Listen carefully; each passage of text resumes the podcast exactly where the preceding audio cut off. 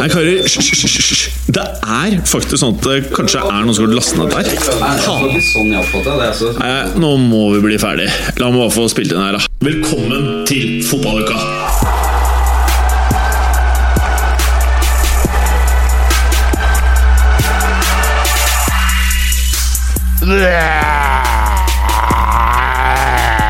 Episode 100 Nei, det er ikke episode 100. Nei, det var ikke nok mas, og dere har ikke rata nok på iTunes. Da hadde dere kanskje fått episode 100 nå. ja, hva skal vi prate om i dag, da? Hmm, hør på dette. Det menneskelige søppelet i Catalonia vil aldri kjenne duften av suksess i La, La Liga.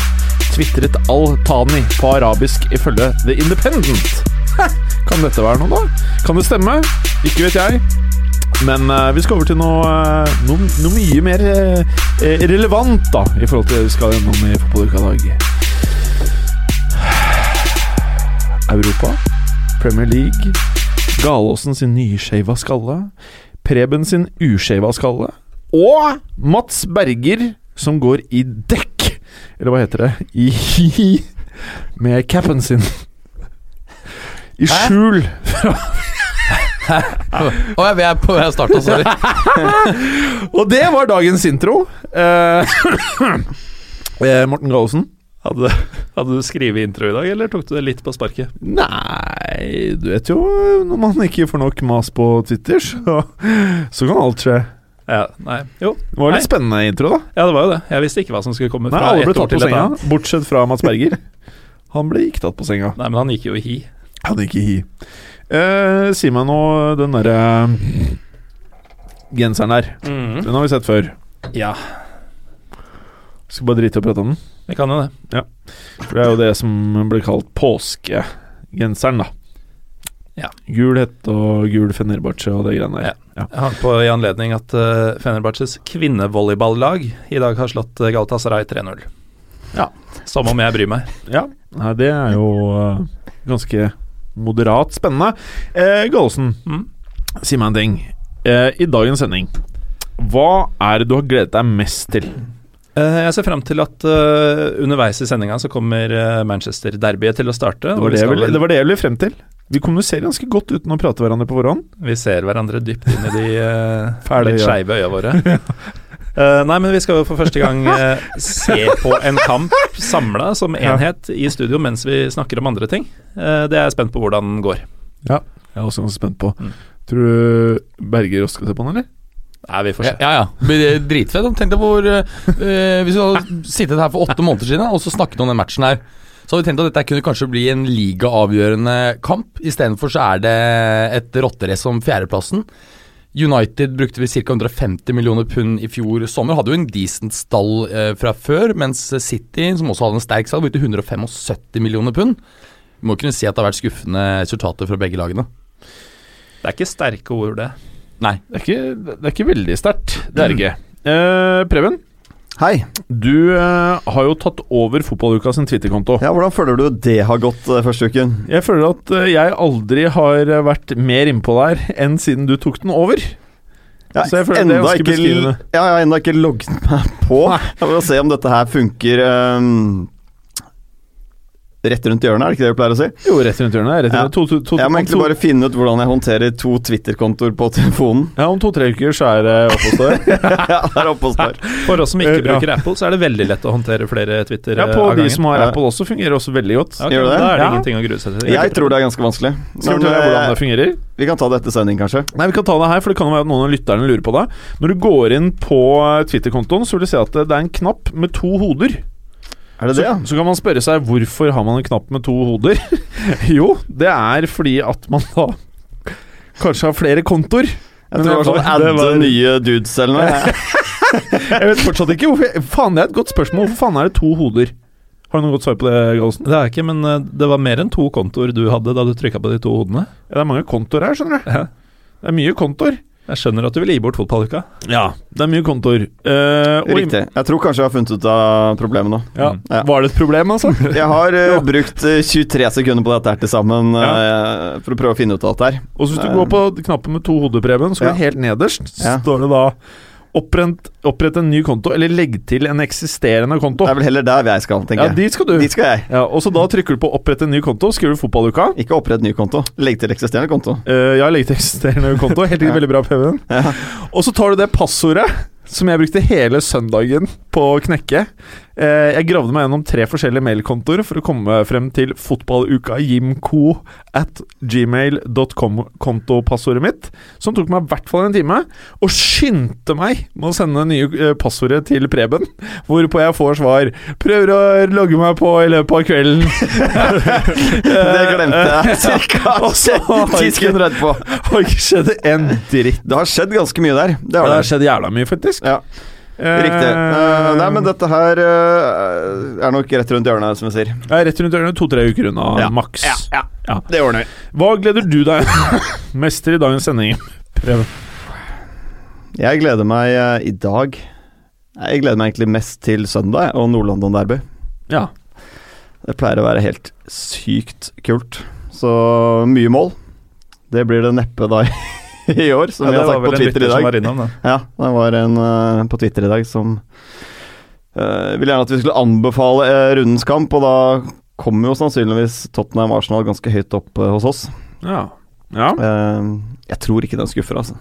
Men vedkommende ville jo da ha en anbefaling til rundens kamp, så han kunne velge en annen kamp. Så da vil det bli bedre. ja. Tradisjonen tro. Har du fått deg plugger, Gallosen? Nei, men jeg merker jo på din reaksjon at det nå eh, nærmer det seg den ukentlige shaven. Kanskje er det på høy tid? Ser ut som noen småplugger på toppen. Det er ikke jeg som skal ha plugger her, og det veit vi godt. Ja, men Bergeren har tatt på seg den der fæle hatten sin, så du går Hæ? ikke an å se han. Hæ? Hva har du drevet med der, da? Du da? uh, tindra litt, eller? Nei. Må følge med her, midt i program. ja, ja, nei, jeg bare gikk gjennom eh, notatene mine. Ja, Veldig bra. Mm. veldig bra Eh, Hva er det du gleder deg mest til i dagens sending, Mads Berger? Det er jo generelt å snakke fotball. Ja, bare sånn generelt. Ja, ja, jeg fikk jo dessverre ikke vært med forrige uke, så jeg fikk jo ikke vært med da og snakket om Champions League. Ja. Så, så det syns jeg var litt synd. Det, var jo, det blir jo fantastiske ja, altså vi har jo ikke Dere rakk jo heller ikke å snakke om eh, trekningen. Det er mye vi ikke rakk, skjønner du. Ja, eh, så vi syns vi må valse innom eh, Champions League-trekningen, hvor, hvor Juventus da trakk Monaco, og vi får et Madrid-derby i det andre. Veldig, veldig bra. Da var det valsa innom, si. Ja, Da var det ferdig valsa. hvem, hvem, tror dere, hvem tror dere vinner i de forskjellige oppgjørene? Eh, Madrid i det ene. Ikke, du tror ikke på Atletico? Jeg tror på Madrid, ja. Det er Real Madrid. Madrid ja. Madrid. Også i den andre kampen så tror jeg på italienerne. Ja, jeg også tror det blir Real Madrid-Juventus i Los finalen. Fiat Familios. Lukter veldig repeat av 1998-finalen. Men samtidig- Jeg, jeg, jeg var på treninga i går. Mm. Så uh, feide jeg raskt innom uh, PSG Monaco uh, på eh, en av disse fotballappene mine. Mm. Og så ble jeg forskrekka når jeg så stillingen. Ja. Så fyrte jeg løs SMS-er opp til Macho-Morten. Og så skrev jeg 'hva faen er det som skjer', skrev jeg. Og så henta jeg meg fint inn når jeg sjekka lagoppstillingen til Monaco og så at det bare var møkka. Ja, ikke sant. Uh, men da var jo Galesen godt i gang med å svare, hvorpå du svarte et eller annet hånlig Sjekk lagoppstillingene. du. Ja, men da hadde jeg jo rukket å skrive på forhånd. Men apropos lagoppstillinger, følg godt med. Casilla, Danilo, Varan, Nacho, Marcello, Kovacic, Vasquez, Hames, Isco, Ascencio, Morata. Det er B-laget til et annet lag. Nei, men det Marcello øh, Kan, bli med litt på Dette her er lagoppstillingen til uh, ja, Du har nesten et fullt B-lag, Ja. er det du sier. Ja, og det Ja. er fantastisk gode. Det er ganske sjukt. Det er elveren til Real Madrid i går, det. Ja. Mot uh, Deportivo på Riazor. Helt riktig, for de skulle hvile Mm. spillerne, Ja. Ja. og så sendte du ut det her. Ja. Og vinner da Var det 6-2-2-6? De vant 2-6. 6-2. Ja. Det er eh, rett og slett eh, Altså, det altså Real Madrid 2, da, kall det det, Ja. hadde kommet eh, Hadde sikret Champions League-plass i La Liga. Ja, ja, ja, det. Ja. Altså Det er nesten ikke noe forskjell på, på første og andre laget der. Altså Du har elementene der med at Greit, det er kanskje litt mer talent i den første elveren, men så jobber de hakket hardere, de Mm. gutta som er på den eh, B- B-lista der. da Ja. de, de jobber hardere og veier opp på veldig, veldig mye. Ja, og, og øh, spesielt det med at uh, BBC de jobber såpass lite bakover, og det er de andre gutta så mye flinkere til. At det gjør Eller at de, Benzema øh, kan jobbe. Benzema kan, kan jobbe, det er, det er helt riktig. Men Bale spesielt, eh, jeg mener at han nå tilfører mindre enn Ascencio til laget. Ja, jeg mener Isco bør spille. Isco har vært helt Ja, Isco også. Veldig Ja. bra. Jeg, jeg, jeg, de burde vurdere å selge ikke bare Hames, men også Bale, vil jeg si til sommeren. Ja, ja. Altså, strengt tatt skal kan du bare shippe eh, Benzema, eh, Bale og Hames til Manchester. Ja. Og egentlig så kan du Det er det sykeste. Du trenger ikke nødvendigvis å kjøpe så veldig mye. Trenger ikke kjøpe noen ting. Men eh, da må du helst hente opp noen reservespillere eller et eller annet backup. Martin Ødegaard, kanskje? Ja. Jo, men Hente opp noen reservespillere, eller- noen sånn Cantera-spillere, og så er, eh, er stallen like bra. Men vi tror nok ikke det er det her som kommer til å skje. Nei, tror, men de gjør nok ett salg til sommeren, det tror jeg. Ja. Jeg tror ikke Bale forsvinner, men jeg tror Hames forsvinner. Ja, Vi får endelig håpe det, så eh, at en så god, talentfull spiller faktisk kan være en hovedkomponent i et annet lag. Altså, uh, ja. Mm. Mm. Uh, la oss uh, se litt på Europa, folkens. Og i tro kjent fotballuka-stil, Morten, så Du er jo en liten Tyskland... Eller ikke en liten, en stor Tysklandsfarer. Ja. Jeg Og vi- liker Tyskland. Det virker som du liker Tyskland, fordi du liker Tyskland. Jeg liker Tyskland. Ja. Eh, liker du det bedre enn Tyrkia? Eh, ja, det gjør jeg. Gjør du det? Ja, det gjør jeg. Eh, I hvert fall sånn som Tyrkia har blitt, men eh, generelt også så er det jo noe med dette iskalde skandinaviske blodet mitt som trekker veldig mot noe som ligner, men som er bedre. Eh, og da er jo Tyskland skreddersydd for sånne som meg. Du ser vel i utgangspunktet ikke så veldig skandinavisk ut, eller? Nei, jeg har fått høre at jeg både ser uh, gresk og slavisk ut opp igjennom, Ja. men eh, Blant annet da jeg var vikar i en mottaksklasse, så var det en ukrainsk og en polsk elev som rotta seg sammen og sa til meg Du er av slavisk opprinnelse. Ja, de har nok rett. Jeg bedyra min uh, rene norskhet. Uh, generasjoner på generasjoner på generasjoner tilbake. Ikke noe morsomt i årene her. Kanskje litt finsk flere hundre år tilbake i tid, men det er bitte lite i så fall. Ja. Eh, men nei da, det ville det ikke ha noe. Denne 14 år gamle Pavel og hans likesinnede Ivan, de var eh, De hadde bestemt seg. Så du var heldig med utseendet, da. Ifølge dem. Ja. Mm. ja. Eh, skal vi gå tilbake til eh, Tyskland og fotball? Ja, jeg hadde jo en eh, spådom forrige uke om at Hamburg skulle nærmest redde seg. Men i beste Sunderland-stil så klarer Hamburg da i eh, poeng, eh, kampen som skulle gi tre gratispoeng i nedrykkskampen mot uh, fortapte Darmstadt, å ryke på et forsmedelig 1-2-nederlag på hjemmebane. Og det er jo Det er krise. Det er så sykt typisk Hamburg. Bordet er dekka, og selv om Darmstadt faktisk kom fra en sjelden seier, de er jo milevis fra å klare seg og kunne faktisk eh, teoretisk være klar for nedrykk med tap her. Eh, de måtte faktisk vinne denne og få hjelp i en annen kamp for å ikke være klare for nedrykk.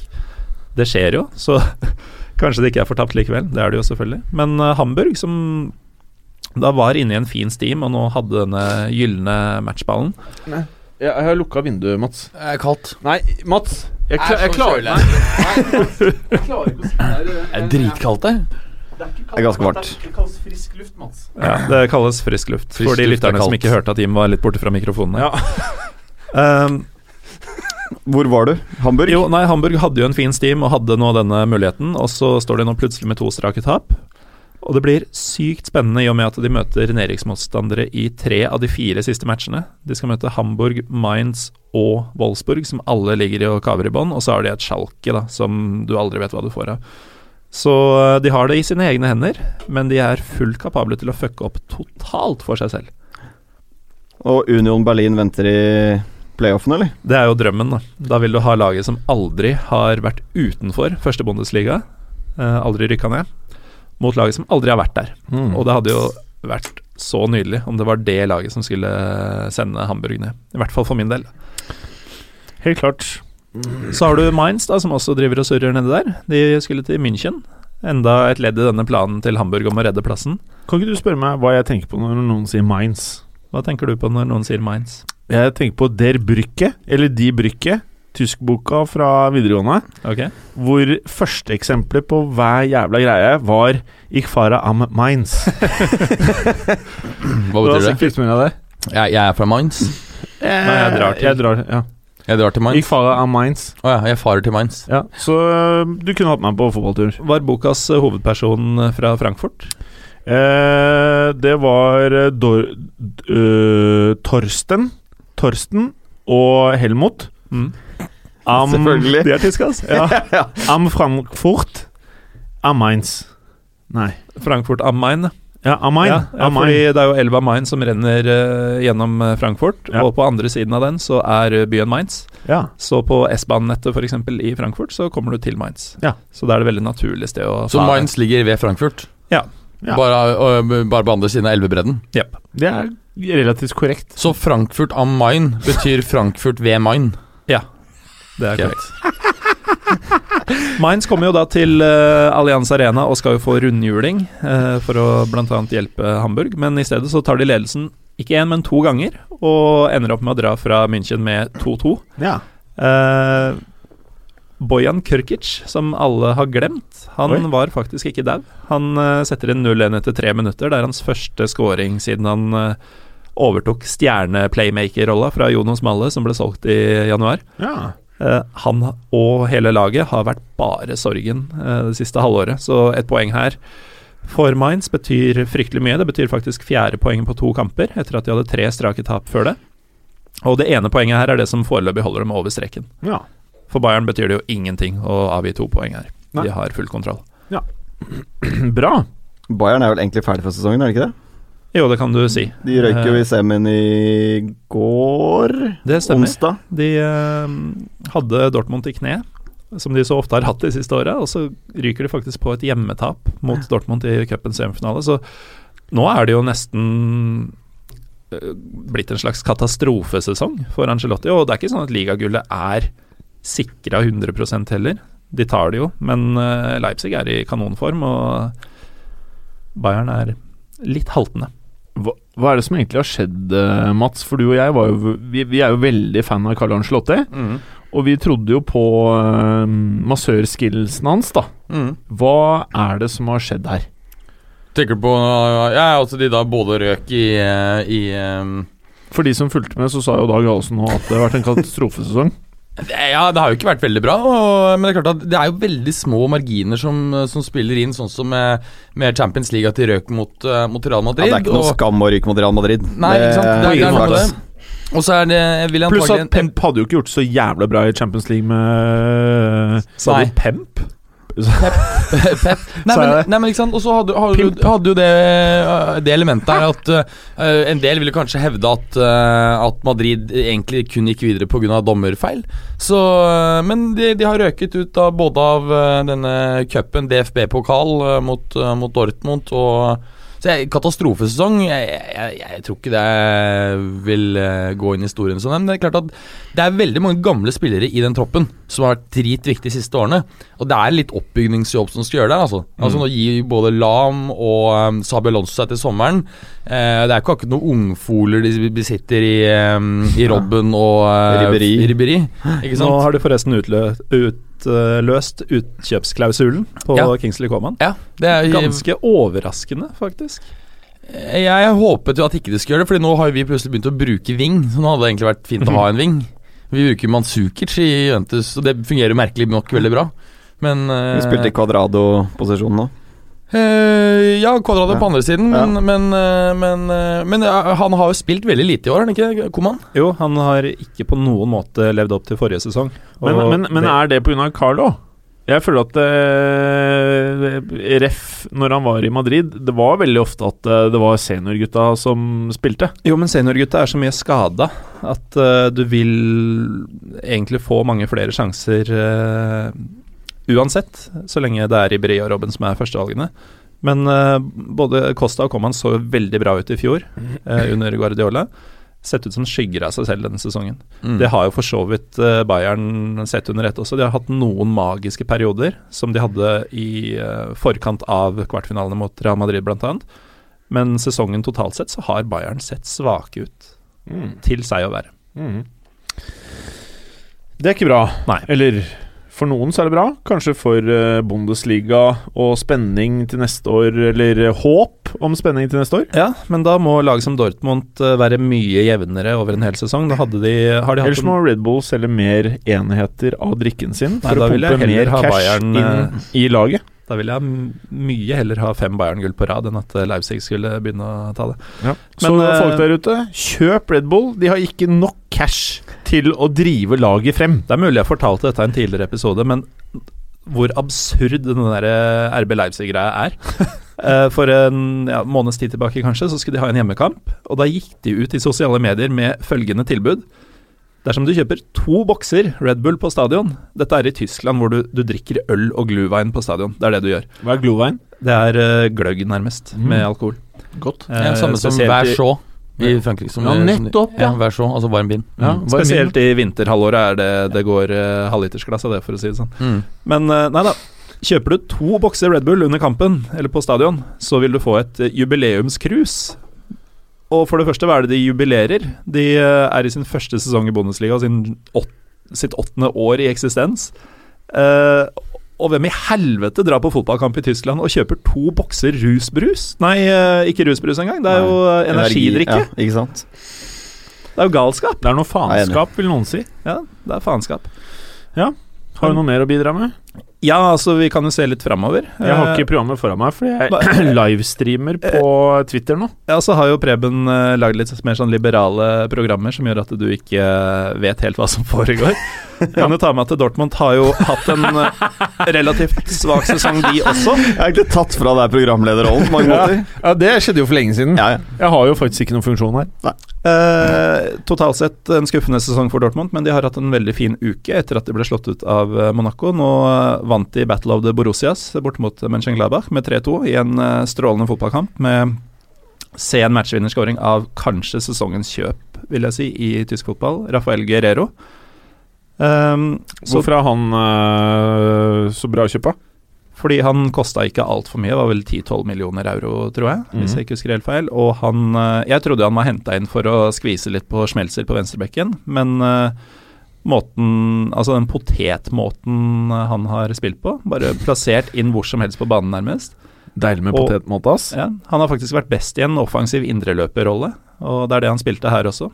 Eh, målfarlig, gode dødballer, eh, strålende pasningsleger. ganske kreativ. Til, Ganske eh, morsom uh, tweet her nå. Få lagt ut den hundreren, da, pluggers. og så bare Fingeren Det var morsomt, ikke sant Berger? Ja. Ja, men i hvert fall Dortmund tok en sterk borteseier i en av de Altså Når disse to Borussiaene møtes, så er det et av sesongens høydepunkt for min del. Og det var en kul kamp denne gangen også. Fem mål. Um, og så slo de jo som nevnt eh, Dort- eh, Bayern borte også i um, cupen i midtuka nå, med samme sifre.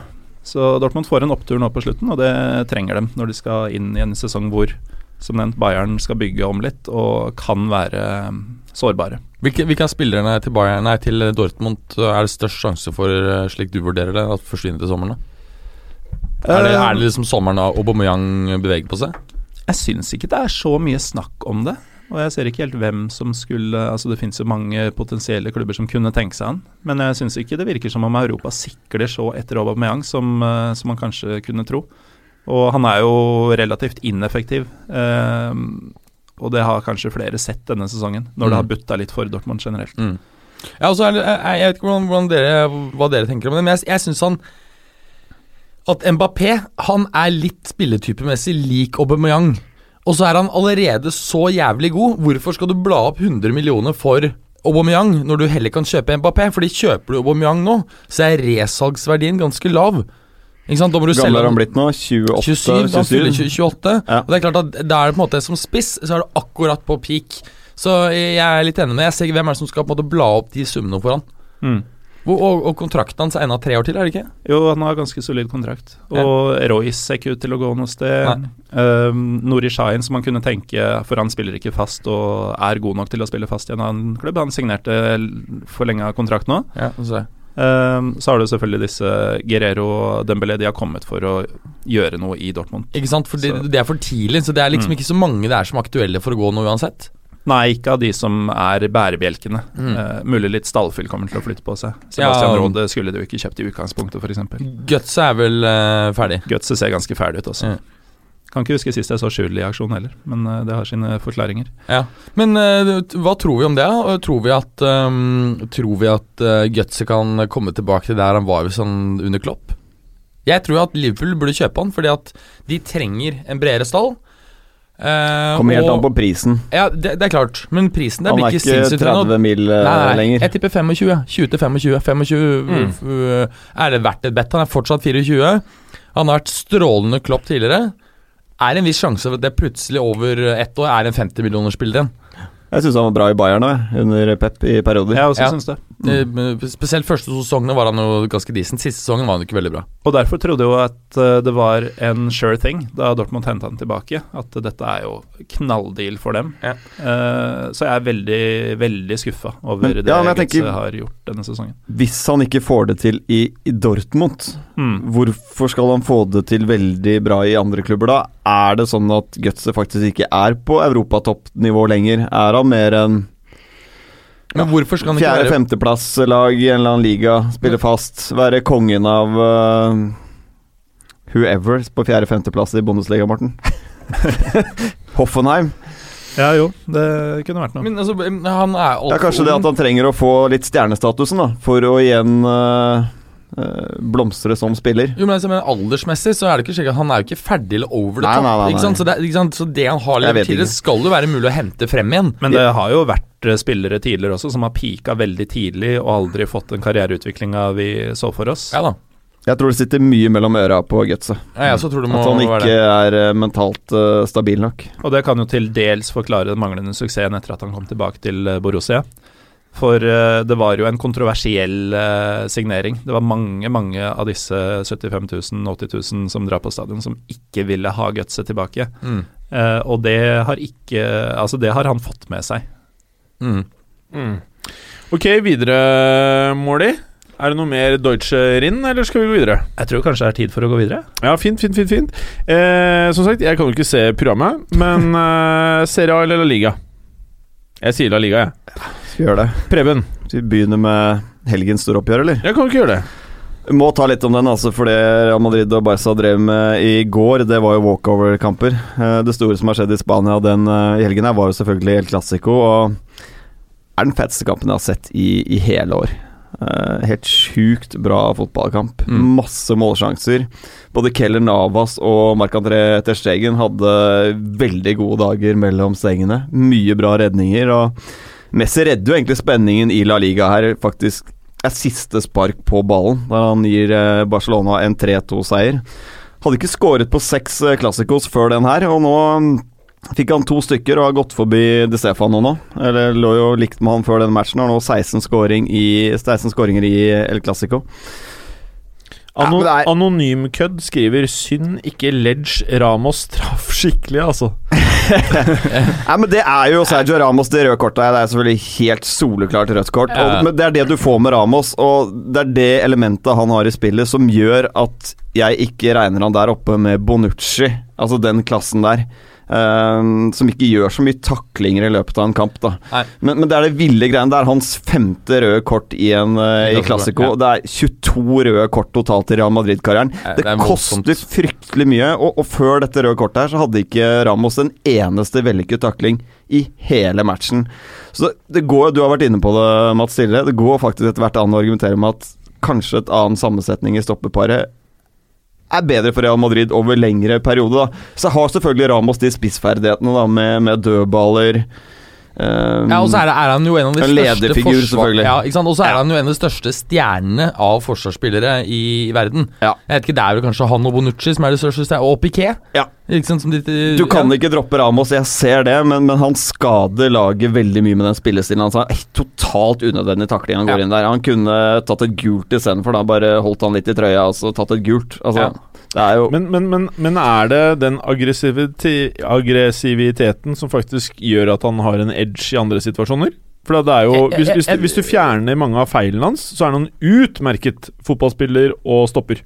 Jeg er helt enig med deg. Det er jo noen, eh, altså, noen som er gode pga. den råskapen de har. da Eh, og Man kan jo ikke ta det bort heller. Det er, det er bare en del av pakka du får med Sergio Ramos. da Men det fortsatt han er en av verdens beste forsvarsspillere. Men han, han koster laget relativt mye. Nå skal det jo sies at Barca omtrent spilte med ti mann i 70 minutter sjøl. De hadde jo Paca Alcacer på banen. Eh, men det er Eh, Jeg tweeta dette under matchen også, men det er sånn påfallende å se da, hvordan Barca-spillerne gjør alt de kan for å unngå å spille ballen til Paco Alcacer. Altså, de ser, ser han er ledig, ser rundt seg, har jeg noen andre løsninger? Fuck, jeg må sende til Alcacer! Totalt usynlig. Um, og det er jo André Gomez som kommer inn på, som faktisk har vært litt bedre nå i det siste. Som er uh, sterkt delaktig i den kontringen som gir 3-2-skåringen. En som burde startet, er Isco. De, eh, Zidane valgte å gamble med Bale, som har vært mye skadet. Nå røyker han på en ny skade ute en måned til. Er ikke det galskap, i og med at Isco har vært bedre enn alle de offensive spillerne de siste ukene? Han er jo den uh, karen som har produsert uh, klart flest sist, mener jeg, nå i 2017 i, i La Liga. Han har vært involvert i flest skåringer. Um, eh, Sindre Øverland spør Kan dere ta opp hvorfor Ramos bare fikk én kamp i karantene. Ja, det, det, det så jeg også, det har ikke jeg noen god forklaring på. Jeg synes det er helt merkelig. ja, det er Altså, han gjorde akkurat tro- samme som Neymar gjorde, og klappet til dommeren og Jeg vil tro Piqué Piquet får blod på tanna, i hvert fall. Ja, det, er, det, det virker rett og slett eh, veldig veldig rart at han får. Men uh, jeg tror også det var lurt å starte, gå tilbake til Isco. da Så mener jeg at de burde startet med Isco og bare hatt uh, Ronaldo og Benzema på topp. Rett og slett for å komme i overtall på Barcas treer på midten, som er ganske svak. Eh, altså relativt sett her, da, eh, i forhold til hvordan det har vært. Fått Mm. et overtall på midten, så tror jeg de kunne dominert matchen mye bedre. og Spesielt når Isco er i så god form som han er. Så den skaden til Bale nå er jo en sånn typisk eh, blessing in disguise. altså Ja, er Eh, for. Real Madrid. Eh, Ascenso er også et mye bedre alternativ akkurat nå enn Gareth Bale. Ja. Men så har Gareth Bale, altså jeg mener som du også, de må beholde han. For det toppnivået til Gareth Bale, får de han skadefri over en periode, topp fem spiller i verden. Ja, Definitivt. ja, det er, det er veldig bra, absolutt. Så um, Anonymkødd skriver nei, får logga boikott frem til 100 ute. Shalabais venner. For en anonym kødd. Anonymkødd, ass. Ja, men Det er enda mer sånn stats på da Isco har ikke tapt Altså De fire kampene Real Madrid har tapt i år, det er mot Celta, Valencia, Sevilla og Barca. Da har ikke Isco vært på banen. Mm. Han har 49 kamper nå, han som han uh, er ubeseira i Real Madrid. Så Og han var jo Hvis vi bare kan hoppe rett over på den 6-2-seieren som vi var inne på nå i sted også, eh, borte mot Deportivo. Deportivo har slått Barcelona hjemme, de har uavgjort mot Atletico Madrid. Der ble jeg veldig imponert over uh, det som skjedde. Altså, Ja. Etter uh, Classico så tenkte jeg at dette kunne ha et veldig psykologisk uh, in, eh, impact, i mangel på det norske ordet i farta, eh, på begge lagene, egentlig. At eh, Real Madrid ble litt sånn der De har hatt full kontroll på dette hele vinteren. Plutselig så er det ordentlig kniving igjen, og de har plutselig ikke råd til disse feilskjærene som de hadde. Og så skal de til Riazor, i en periode som er ganske hektisk for dem og så stiller de reservelaget. Det er så sykt arrogant. Og jeg tenkte jo det verste, jeg hater jo Barcelona. Ja, Ronaldo var ikke med engang. Han var ikke på benken engang. Og så moser de dem. Ja, de gjør det. Og det er jo, men det er så, Vi har snakket om det tidligere i sendingen her, at det er jo altså type Isco er jo kanskje en som burde vært på et førstelag. Ascensio kanskje, men eh, det er toppspillere selvfølgelig over hele rekka der. Ja, altså en ting er med Asensio, Han er såpass ung at han er fortsatt i liksom, etableringsfasen. Mens Isco han har jo som nå vært benkesliter er det i fire år eller tre år. Ja, Eh, I, uh, nei, det er vel Det er vel fire år. Det er vel fire, det det blir var ikke fire. sommeren 2013 han gikk av. Eh, ikke sant? Og det begynner på en måte å bli tidspunkt for han om å på en måte spille 90 minutter uke inn, uke ut. Ja. Men slik bildet ser ut nå, så er det jo Hames som kommer til å forsvinne, og Isco kommer til å bli videre. Det tror jeg også. Og så har du en Alvaro Morata òg, da, som eh, du kan også argumentere med at er bedre akkurat nå enn Karim Benzema. Ja, og hvis du ser på, um, hvis du ser på statsene til. Morata med hensyn til eh, mål eh, per minutt, eller målinvolvering per minutt, begge de to, så er han jo en av de mest effektive i, eh, i Europa. Ja, det er bare Messi i La Liga som har eh, flere skåringer eh, i snitt da enn eh, Alvaro Morata. Han har åtte på siste ni. Er Morata. Er dere, er Ja. dere enig i det som er hypotesen deres nå, at uh, Isco er den av de to som burde beholdes, og Hames er den av de to som burde stikke hvis en av de skal dra? Ja, og, og, men det er en av grunnene til at jeg mener det. Det er rett og slett fordi at uh, jeg tror det er en god sjanse for at Zidane kommer til å bli en ganske lang periode. Jeg tror Perez ser at det er ikke så veldig smart og formålstjenlig å hele tiden switche.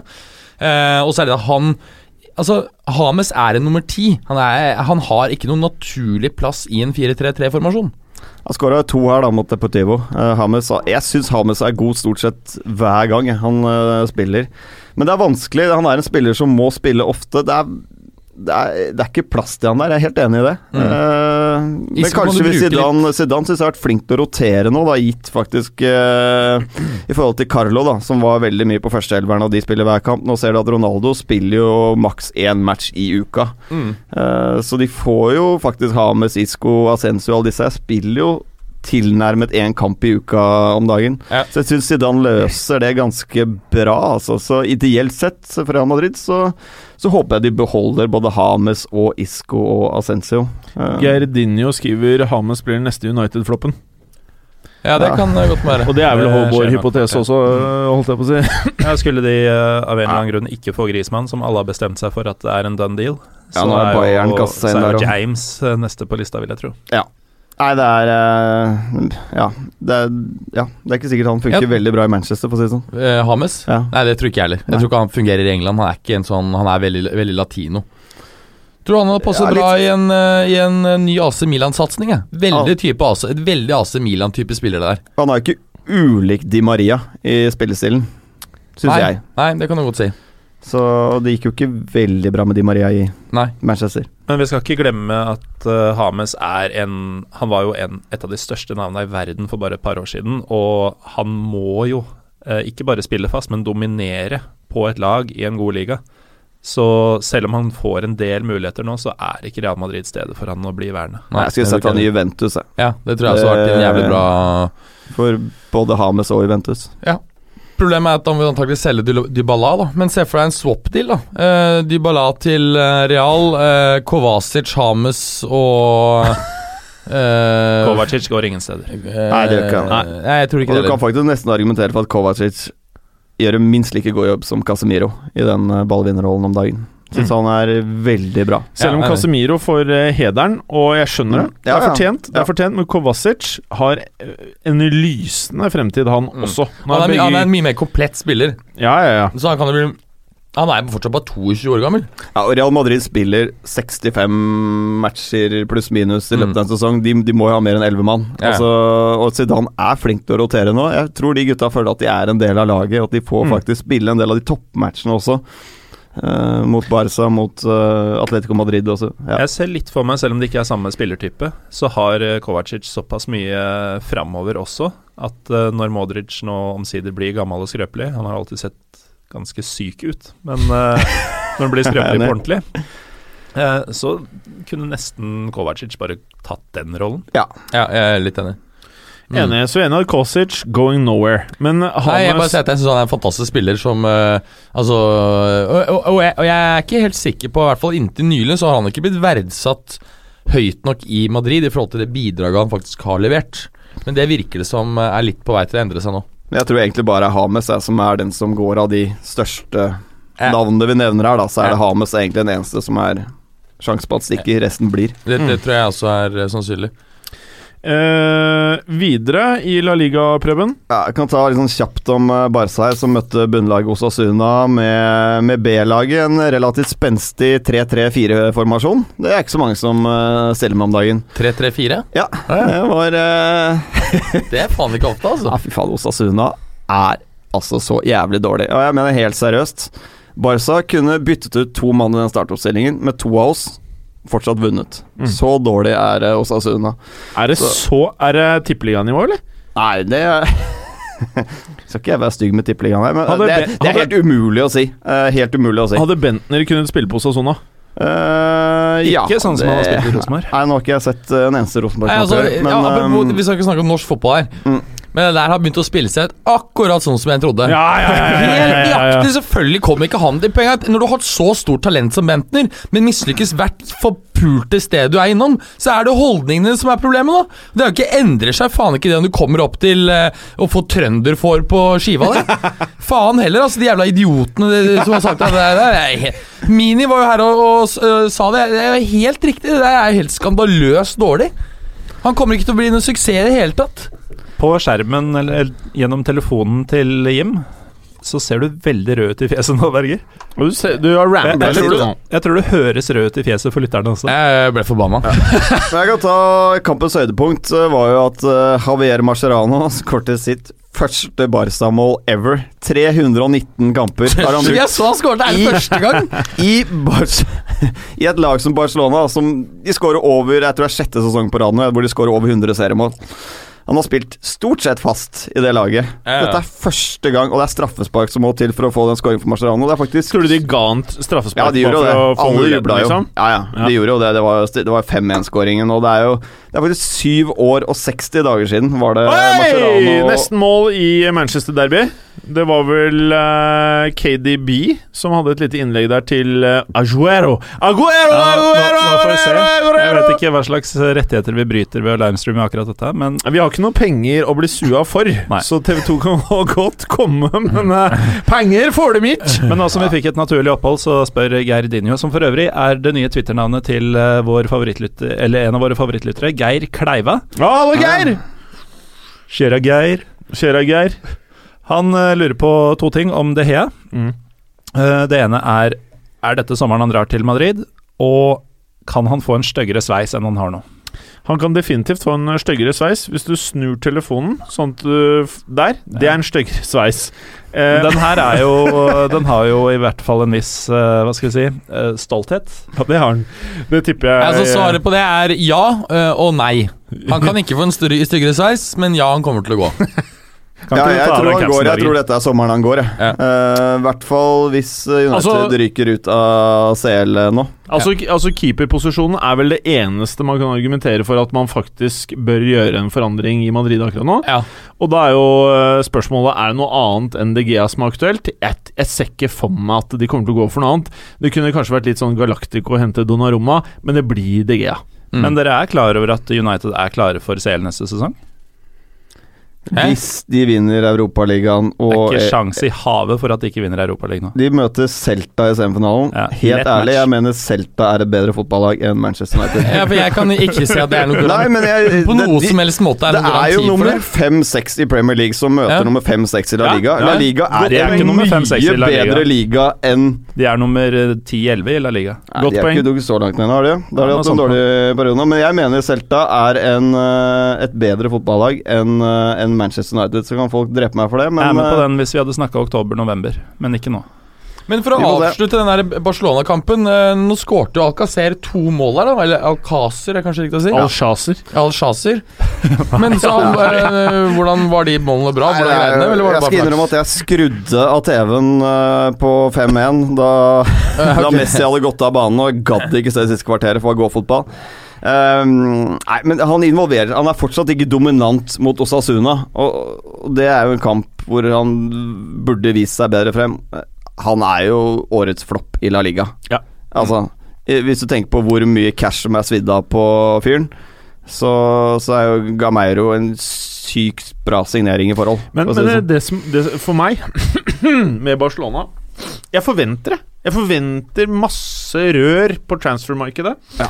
Og um, Paco Alcocer var vel ikke Jeg tenkte ikke at det skulle gå så gæli, men det er ganske gæli. Men han var ikke så god i Valencia i fjor heller. Jeg så en del Valencia-matcher i fjor. Og han, han var kaptein, han var liksom ledestjernen til Valencia, men han skårte jo ikke mer enn 11-12 mål for Valencia heller. Han var jo ikke noe dominant ute på banen der. Han så ikke ut som noe Barcelona-Real Madrid-spiller. Så, så jeg syns hele signeringen eh, Det vitner om at det var et tredje, fjerde, femte valg, eh, egentlig, Mm. For eh, Barca. Hva skjer da, Martin Nei, da har jeg både Preben og Berger i samme bilde. På Twitteren? Og, og Berger har satt sikkert i sånn 12-15 sekunder uten å bevege en mine. Ikke noe blunk, ikke noe Ja, nå skjer det igjen. det er helt sykt å se på. Bergeren er ikke noe kødd, ass. Og så er det jo sånn når Preben prater, du og jeg Jim, er jo vant til at da reagerer man og sitter og nikker og Ja. sånn, men Berger, det var ingenting som skjedde. Han sona ut. Dette er blitt tidenes lengste podkastepisode. Ja, men er ikke det hyggelig? Jo, det er kjempehyggelig. Vi ser på match og så videre. Ja, Altså, ja, er lytterne kjempe- får to timer rett i fanget her, ass. Og ikke noe episode 100 før det blir nok ratings på den der fæle Apple-leda iTunes-kontoen. Nei, se på Berger! Nå, nå gjesper han nå, nå! Fy faen! Hva slags sending blir dette her, egentlig? Vi kan ta med Atletico Madrid, da, som uh, tapte hjemme mot uh, Villarreal. Um, det er jo de to lagene som slipper inn uh, desidert minst i La Liga som møttes, og målfattig. Det skjønte jo alle at det skulle bli. Jeg tror Villarreal har sluppet inn ti mål på 17 bortekamper i, eh, i La Liga. Det er ganske sterke tall, altså. Og de, det var Atletico Madrid som styrte oppgjøret, men kom jo aldri til de enormt store sjansene. Så kontrer jo Villarreal inn 1-0-skåringen åtte-ni minutter før slutt. Men hva er det med Villarreal? eh, De, de klarer liksom alltid å, å eh, få frem noen nye toppspillere. Altså De får alltid frem liksom eh, eh, spillere som eh, finner sitt hjem i noen av verdens største klubber. Og det er gjerne ikke alltid spanjoler. Så de Pato, har for eksempel. ja. Paton. Jeg, synes jeg ble, så forbanna. eh, Når han, når han plutselig har enda med til å slå til, så forsvant han fra Europa igjen. Jeg ble så jævla Han forbanna. er ganske pengestyrt, tror jeg. Så, Ja. nei, det er, med det som slår meg mest med Villarreal-laget, er jo hvor utrolig godt organisert de er. Peng, penge, pengestyrt, eller noe annet? For han moste jo hun derre dattera til Silvio. At det er musestyrt. Ja, jeg begynner å lure på det. Men da drar du ikke til Kina. Han har sikkert fått Da, tilbudt da, drar, du, da drar du hjem til Brasil! I, I Pulp Fiction så får jo Bruce Willis beskjed om at uh, You lost your LA privileges. Han har fått beskjed om at han får ikke være i Europa lenger. Men uh, apropos Villarreal, så må vi jo gi en liten uh, shout-out til uh, en av våre favoritt... Eller en av Ja, alle Pundit-Norges beste ja. menn, Ja. uh, Petter Wæland, som akkurat nå er på tidenes uh, ukesferie. Altså selv jeg som ikke er La Liga-fan. Han er uh, en uke i Spania. Ser seks kamper på seks forskjellige stadier. Få- litt attention her. Ja. Petter, hvis du ser på. Du inviterte oss til det dokkehuset til deg og kona di. Skulle se på fotballkamp. Fortsatt ikke fått noen invitasjon. Hvor er Og den? vi var i praksis Vi måtte invitere oss sjøl. Ja, det var det, var, ja. Sorry, Petter. Skal vi ta ukens Tony Adams-update, eller? Ja, det må jeg. Blir det nye spotten vår, eller? Ja, det tror det, altså. Det ble et nytt uh, tap. Uh, Han står nå med Hva sier du det? Ja, det er tre matcher. Tre strake tap. 0-7 i målforskjell. Drøye 20 skudd totalt på mål på de tre kampene. Og... Nei, det er- det er jo morsomt. Jeg, jeg, altså, jeg forstår faen ikke hvorfor de har valgt han, jeg. Nei, Altså- hvordan han endte opp Først han endte opp i en sportsdirektørrolle. Ja, Det kunne man i større grad forstått, men Ja, men liksom hvorfor Tony Adams der òg? Ja, det må jo finnes ja, ja. ganske mange andre folk i verden som har mer peiling enn Tony Adams. Ja, Uh, sånn Det kan ikke være fordi de har hatt problemer med at spillerne drikker eller ruser seg for mye. At det er det han skal prøve å røske opp i. Bli kompis på puben. Ja, men han- han hadde jo Ja, ja, han er jo, ja, ja, han har det. Han er jo Ja. Jeg vet ikke hvor mye han drikker om dagen, men han, Nei, han, ja, men, vel, men ja. han, han øh, ville kanskje kunne være riktig mann hvis det på en måte har blitt en øh, voldsomt hard festkultur. Nei, men det som er med altså, Granada-laget, er jo Det er jo kjørt er uansett. Ja, det er kjørt. De er nede. Så Tror- det er jo det kan- Ikke bruke altfor mye cash, tror jeg dette er stopp, altså. Og bare Eh, men, men kan dette være Kan det være et PR-stunt fordi at de vet at de rykker ned uansett? Kan det absolutt være. Det er jo, det er jo ingen sportslige grunner man Altså, ingenting av det man kan legge til grunn for den ansettelsen der. Fordi han har jo ingenting å vise til. Og han er jo ikke noe pedagog ut fra det man uh, hører i intervjuene med han. Så er det jo bare jobbe hardt og skåre mer mål enn motstanderen som er mantraen hans. Ja. Faen, jeg, eh, for dere seere og lyttere så driver jo da Gallosen med telefonen min og styrer Twitter livestream. Eh, du ser ut som en liten kameramann. Takk. Du zoomer inn på liten en. Ja, er stor kameramann. Du zoomer inn på ølen min, zoomer inn på smågodtet, zoomer inn på Manchester Derby. Jeg har faktisk ikke zooma en eneste gang, men panorert til. Panorert, ja. Eh, Preben, du spurte i dag på din egen Twitter-konto, ikke på fotballuka Ja. sin, eh, om det var noen spørsmål til dagens sending. Og det så, var det. Ja, så så jeg United We Podcast hadde skrevet noe.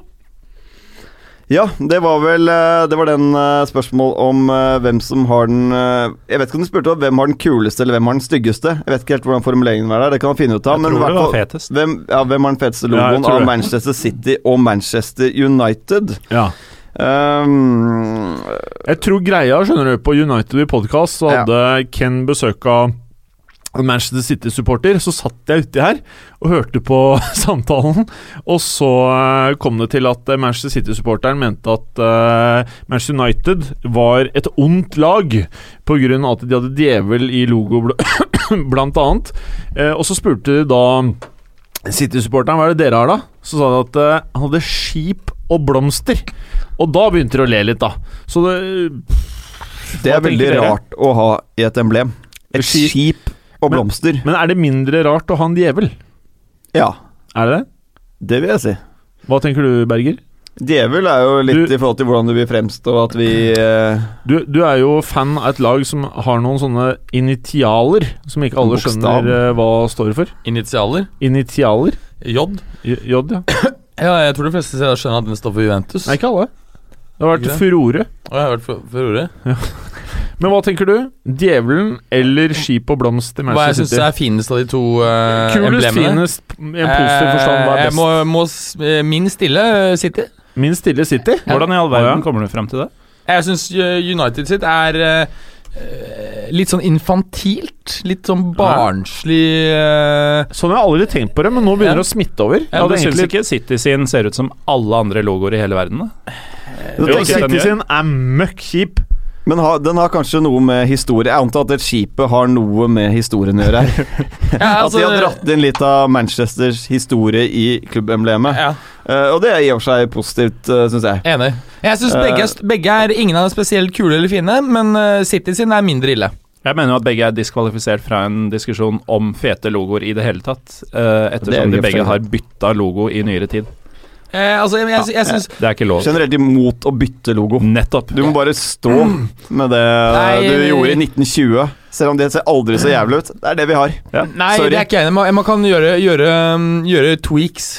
Det um, Sånn som et visst italiensk lag. Nei, altså Som Juventus Juve-supporter så er man vel Nei, det er jo mer Det er ikke ja, en tweak. ikke Det er jo, det er jo en ekstrem endring, og det er ikke det jeg prøver å forsvare. Men Juventus hadde jo gjort uh, jevnlige endringer i, i, i 100 år, før man gjorde det her. 120 år. Ikke sant? Slik at det er jo første gang man, Og da har man gjort sånne småendringer hele tiden. Men uh, det var vel ingenting som forberedte deg på den siste endringen?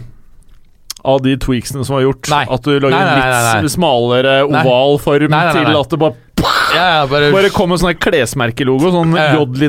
Ja, ja. Men uh, er du fornøyd med det? Eh, først så ble jeg sjokkert og lei meg eh, når det begynte å sige inn, og nå har jeg egentlig begynt å bli ganske positiv til det. Jeg tror at det er en, eh, en, eh, et bra valg i forhold til å prøve å få en mer global appell. Ja. Eh, og det, det som er også typisk sånn brand recognition, da, ikke sant? Jeg- Der er den er veldig bra. Jeg hata det aldri, og jeg digger det.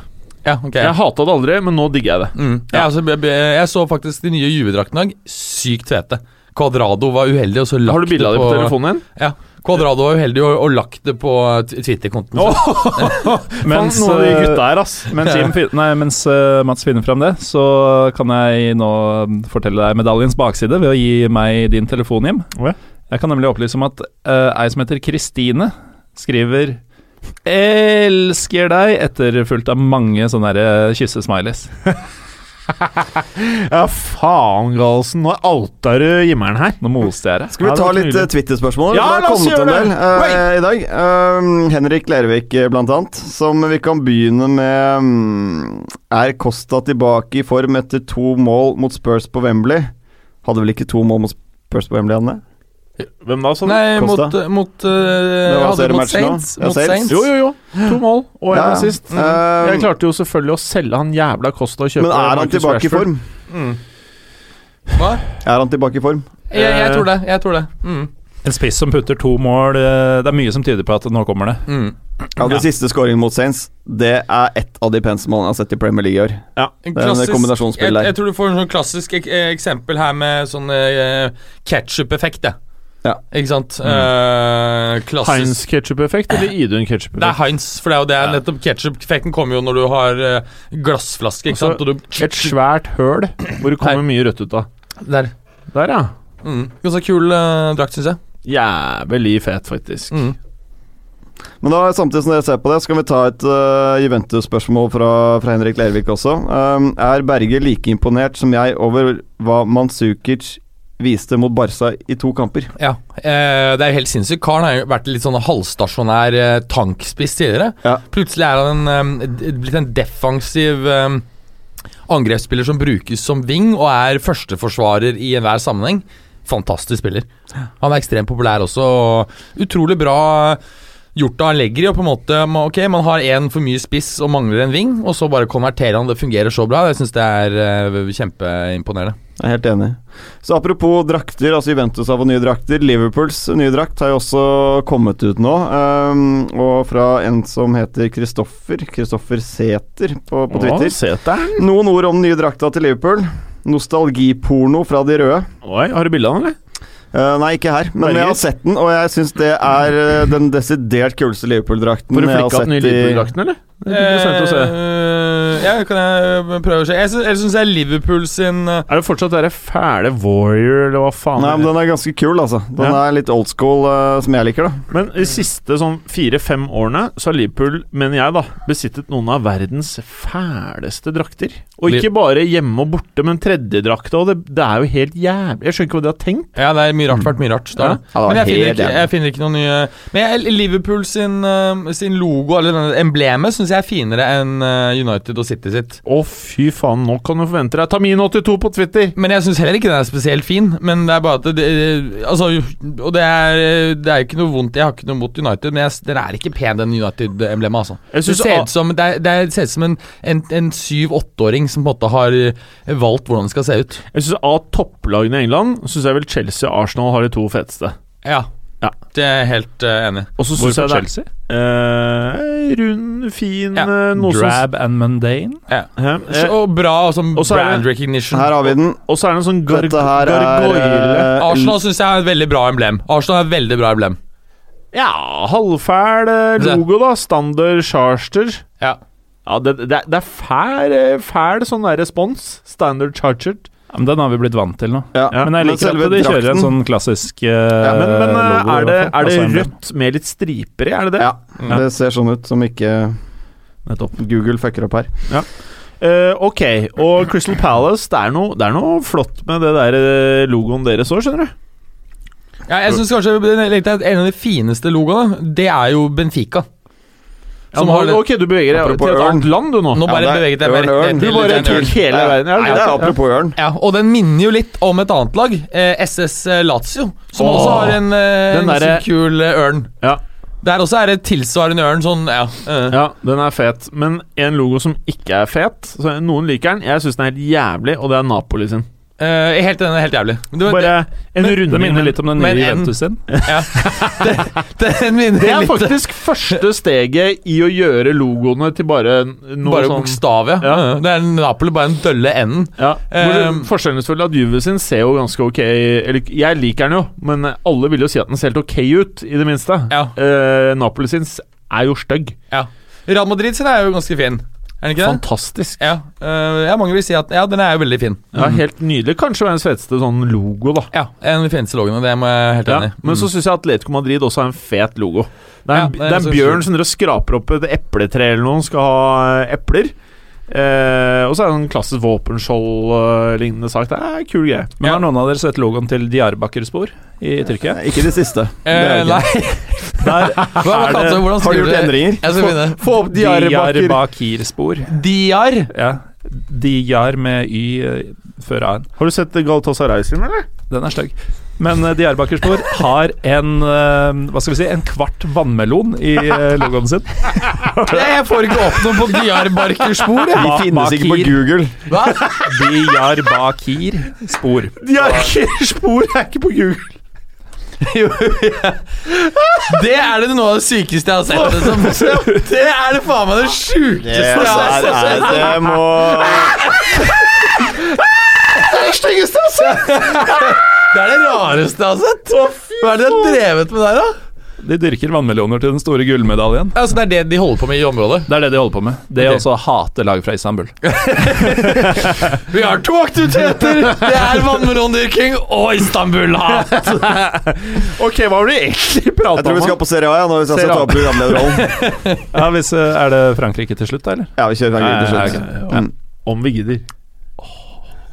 Ja, Okay, har du noe på Serie A? ja har det. Det var jo, eh, var jo Serie A i, i helgen, og blant annet én match som eh, Prater mikken, eller? Å, jeg gjorde ikke det? Én match som eh, var ganske Bare du fisker opp av rumpa her, da? var, var det Fiorentina Inter som møttes i Firenze og endte opp med å spille 5-4. Ganske sjukt. Se bergeren!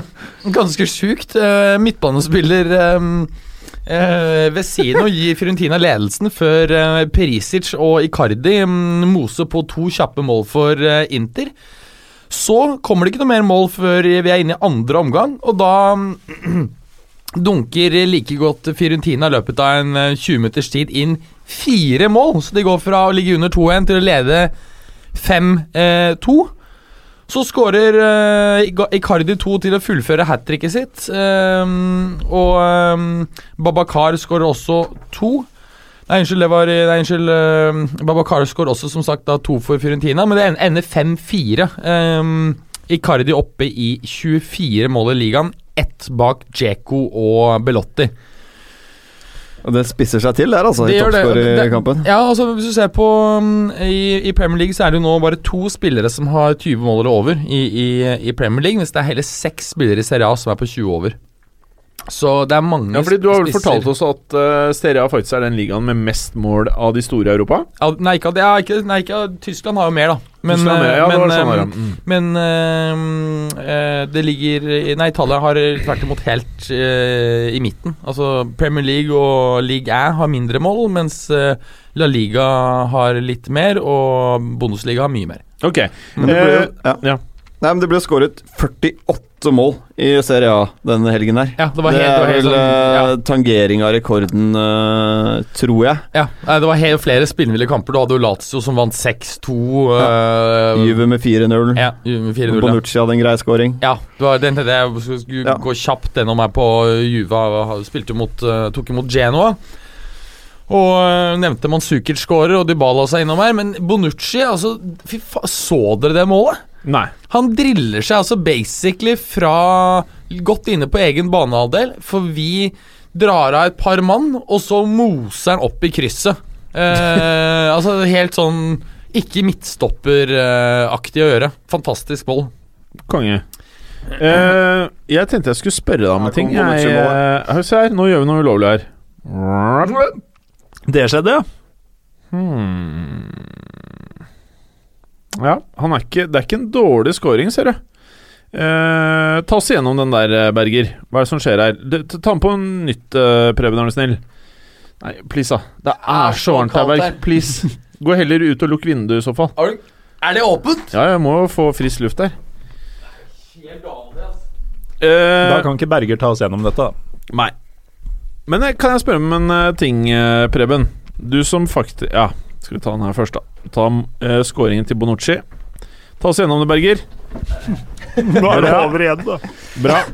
Eh, fint mål. Ja, fantastisk uh, mål. Legger på YouTube, så. Altså, tittelen er jo uh, Ligger på YouTube. Den er jo basically uh, uh, Ferdigskåra. Ja, det er noe feil med headsetene, Berger. Så hvis du bare fortsetter å prate, så tar den opp. Du kan bare prate. Nei, Hallo. Bare prat. jeg, jeg hører ingenting. Hallo? Bare prat. Vi hører deg. Ok. Nei, Når det gjelder toppskårertittelen, eller ta tittelen først, det er jo ferdig her. Um, nå møtes jo ehm, Møtes jo Inter og Napoli nå til eh, helger. Hvis Napoli tar det, noe jeg tror de gjør Inter har en så dårlig kampform nå. Lå jo, eh, som vi snakket om bare for et par-tre måneder siden, an til å kunne virkelig ha en sluttspurt og kanskje ta Champions League-plass. Er ikke sjanse i havet. Siste fem kamper, tre tap og to uavgjort. Ehm, og, og vinner Napoli denne, helgen, denne helgen her mot, uh, mot Inter i Milano, så uh, tror jeg at eh, det er Da er CL uh, helt avgjort. CL. Ja, altså da får de tredjeplassen Ja, sånn, ja. og får Champions League. Ja. Mm. Så um, når det gjelder hvem som blir toppskårer her, så mener jeg at det er litt bingo mellom jeg, jeg, jeg vil faktisk nesten si at det blir Belotti, altså. Ja. Han ligger likt med 25 mål med, med eh, Dzeko. Eh, Icardi én bak der på 24, Higuain på 23. Nå ser det ut til å skje ting i Roma. Monchi er nå offisiell. Ja. Mm. Hva tror vi skjer der, da? Blir sikkert en vill sommer. Monchi, er det Det er uh, Tidligere Sevilla- strategen til Sevilla. Mm. Ja. Jeg tror ikke nødvendigvis det skjer noe nå i sommer. Jeg tror man ansetter Hvis man ansetter Monchi, så tror jeg du må tenke et uh, fem-tiårsperspektiv. Altså Men da det- begynner det jo nå. Ja, de begynner nå, men jeg tror det første han gjør, sånn som han gjorde i Sevilla Han har vel et speidernettverk der på en Er det 700 speidere eller et eller annet? Altså Det er helt ville tall, i hvert fall. Um, jeg tror han kommer til å ansette mye speidere, få oversikt over alle markeder. Jeg tror ikke nødvendigvis vi vil se de ville splashing av cash, nødvendigvis. Det du Nei, får med Monchi, er gode kjøp. Mm. Uh, rimelige, gode spillere som passer inn i den stilen du vil. Eh, en lagbygger, da. eh, som Monchi kan være for eh, Roma. Så jeg tror ikke nødvendigvis denne sommeren blir sånn en milliard splashing-greie på men det er jo ikke hans stil heller. Nei, det er jo ikke det, ikke sant. Så, men at vi ser konturen av en plan allerede. Ja, det tror jeg nok. Så er det vel et nytt stadion på trappene også der. Eh, Så det er mye spennende Ja. som skjer sånn på langsiktig eh, Husker jeg ikke noe byggestarta på det. Er det, Nei, det er jeg ikke jeg sikker på heller. 19 eller noe? Ja, så det ligger ganske langt frem til ferdigstillelse. Men uh, hva er anbefalingen nå for Serie A-klubber? Er det da å bygge stadioner som ikke har for høy kapasitet for å fylle det, og skape stemning og skape godt TV-produkt? Eller er det å tenke fremover i tid for en så stor by som Roma, og rett og slett bare bygge stort? Jeg tror det er eh, smart å bygge ganske stort, men en mulighet for å utvide det. Mm. Fordi um, du har jo den effekten at hvis det er få på stadion, så får du ikke lyst til å gå dit heller. Da får du en sånn selvforsterkende negativ effekt. Og det Men, det er, ja. men det er klart at det er, det er å strekke det kanskje litt langt igjen og bygge lite, sånn som Juventus gjort, og liksom skalerte ned fra 69 til 42 000. Det er jo kanskje Det er jo veldig hardt å gjøre, Og jeg tror Juventus i dag klør seg litt i huet på hvorfor ikke de kanskje har litt større stadion, da. Men Olympico i dag tar eh, 72 500 ca. Mm. Bygger de ned til si 58-60, noe sånt, da. Mm. Uh, og det er et fett stadion, og det kommer i en tid hvor Roma har et ordentlig lag på trappene. Da er det ganske ypperlig, tror jeg. Mm. Men det viktigste er jo ikke nødvendigvis om det er 55 eller 65 000. Det viktigste med en ny stadion er jo å få et moderne stadion Ja. med VIP.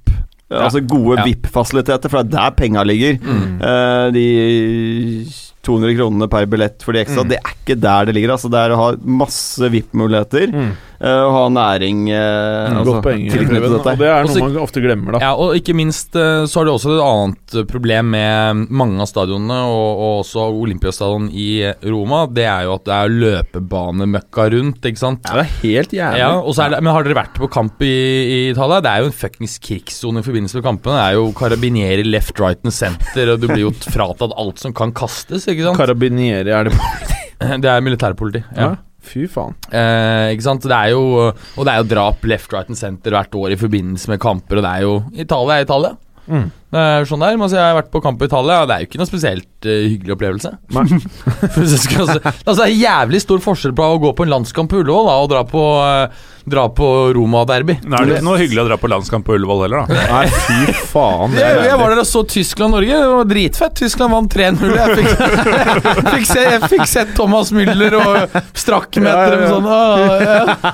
Men, eh, Så jeg syns det var helt topp. jeg tror de der disiplinære utfordringene der, da, som med tilskuere osv., jeg tror det også blir bedre med et nytt stadion. Ja, det så Da får du en i annen type mennesker Ja. på match. Da. Det er, du, det nettopp det du så i, Ja. i uh, Torino. Ikke sant? Juventus fikk nytt stadion. I dag har de en, har de en annen sammensetning med mye mer kvinner og barn. Og Ja. Da blir det softere, ikke sant. Ja. Stuer du masse menn, eh, så, Så blir det fett. Stuer, stu, stuer du masse menn, alkohol, eh, og så sterke følelser for et fotballag som kanskje skal tape inn altså? Du ser at det er liksom The writing is on the wall. Ikke sant? Hæ? Det begynner å bli trangt i buksa mi hvis du fortsetter. Add Masse fulle menn i lidenskap på laget sitt. Det er det add på beste på litt pyroteknikk og eh, Fy faen, det måtte komme. Ikke sant? Da, da blir det som det blir. Jeg tenkte bare fotballukavenn og også to eller tre ganger deltakende Mats Hansen var på San Siro og så Inter Milan mot AC Milan. Når da? Det er nok Det er nok en fort 15-20 år siden. Så da det var fett, da?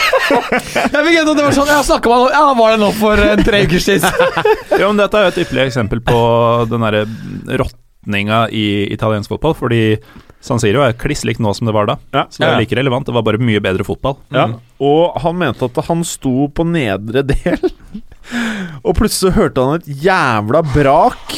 Og det var gutta i eh, øvre del av San Siro som kasta Vespaen ned Den kampen ja. Det er jo noe av det mer legendariske som har skjedd på europeiske tribuner siden, siden jeg ble født.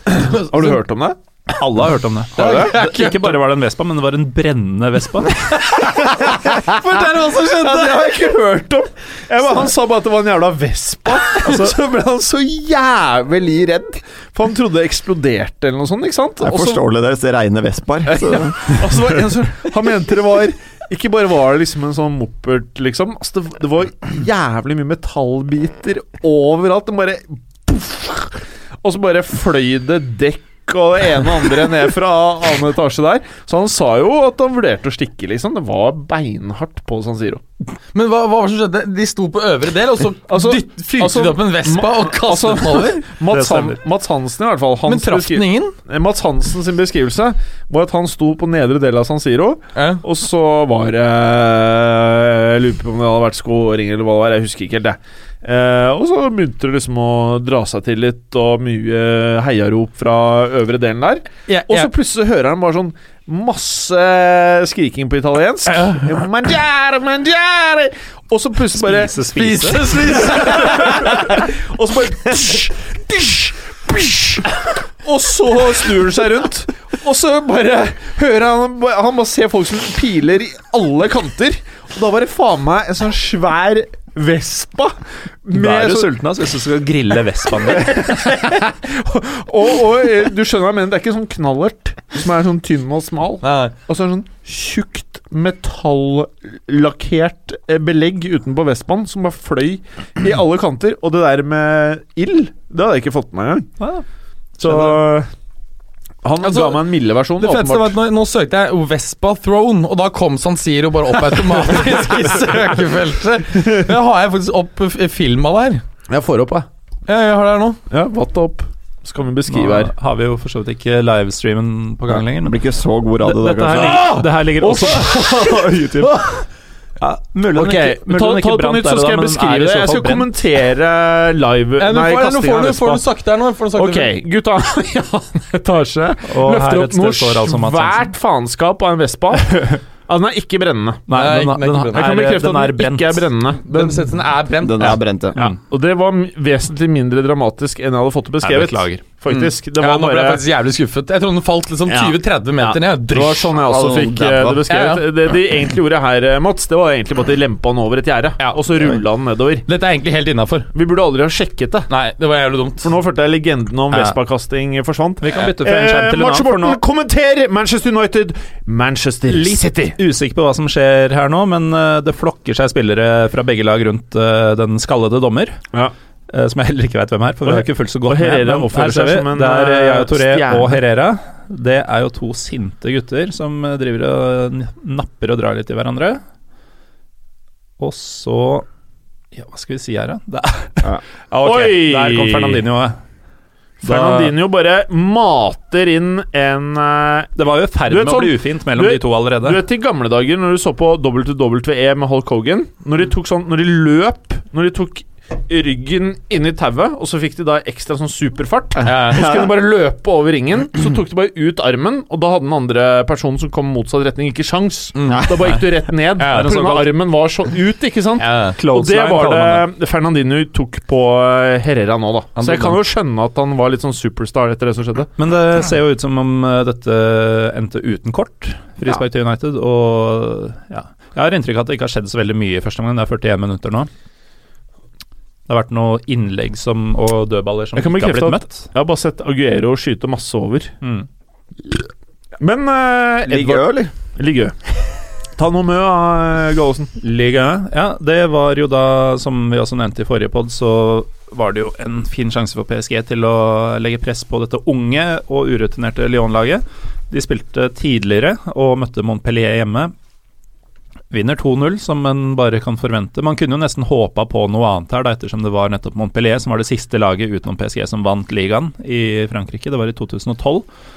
Eh, Det var i sin tid et enda større sjokk enn om Monaco gjør det nå, for for ordens skyld. Men her var det aldri noen tvil. PSG litt på autopilot, og Montpellier som ikke gjorde seg bort eh, relativt jevnt, eh, bortsett fra ballinnehav og selvfølgelig Skåringene kommer ved Cavani etter en halvtime og Di Maria rett etter pause, så det var jo aldri noe håp om noe som helst.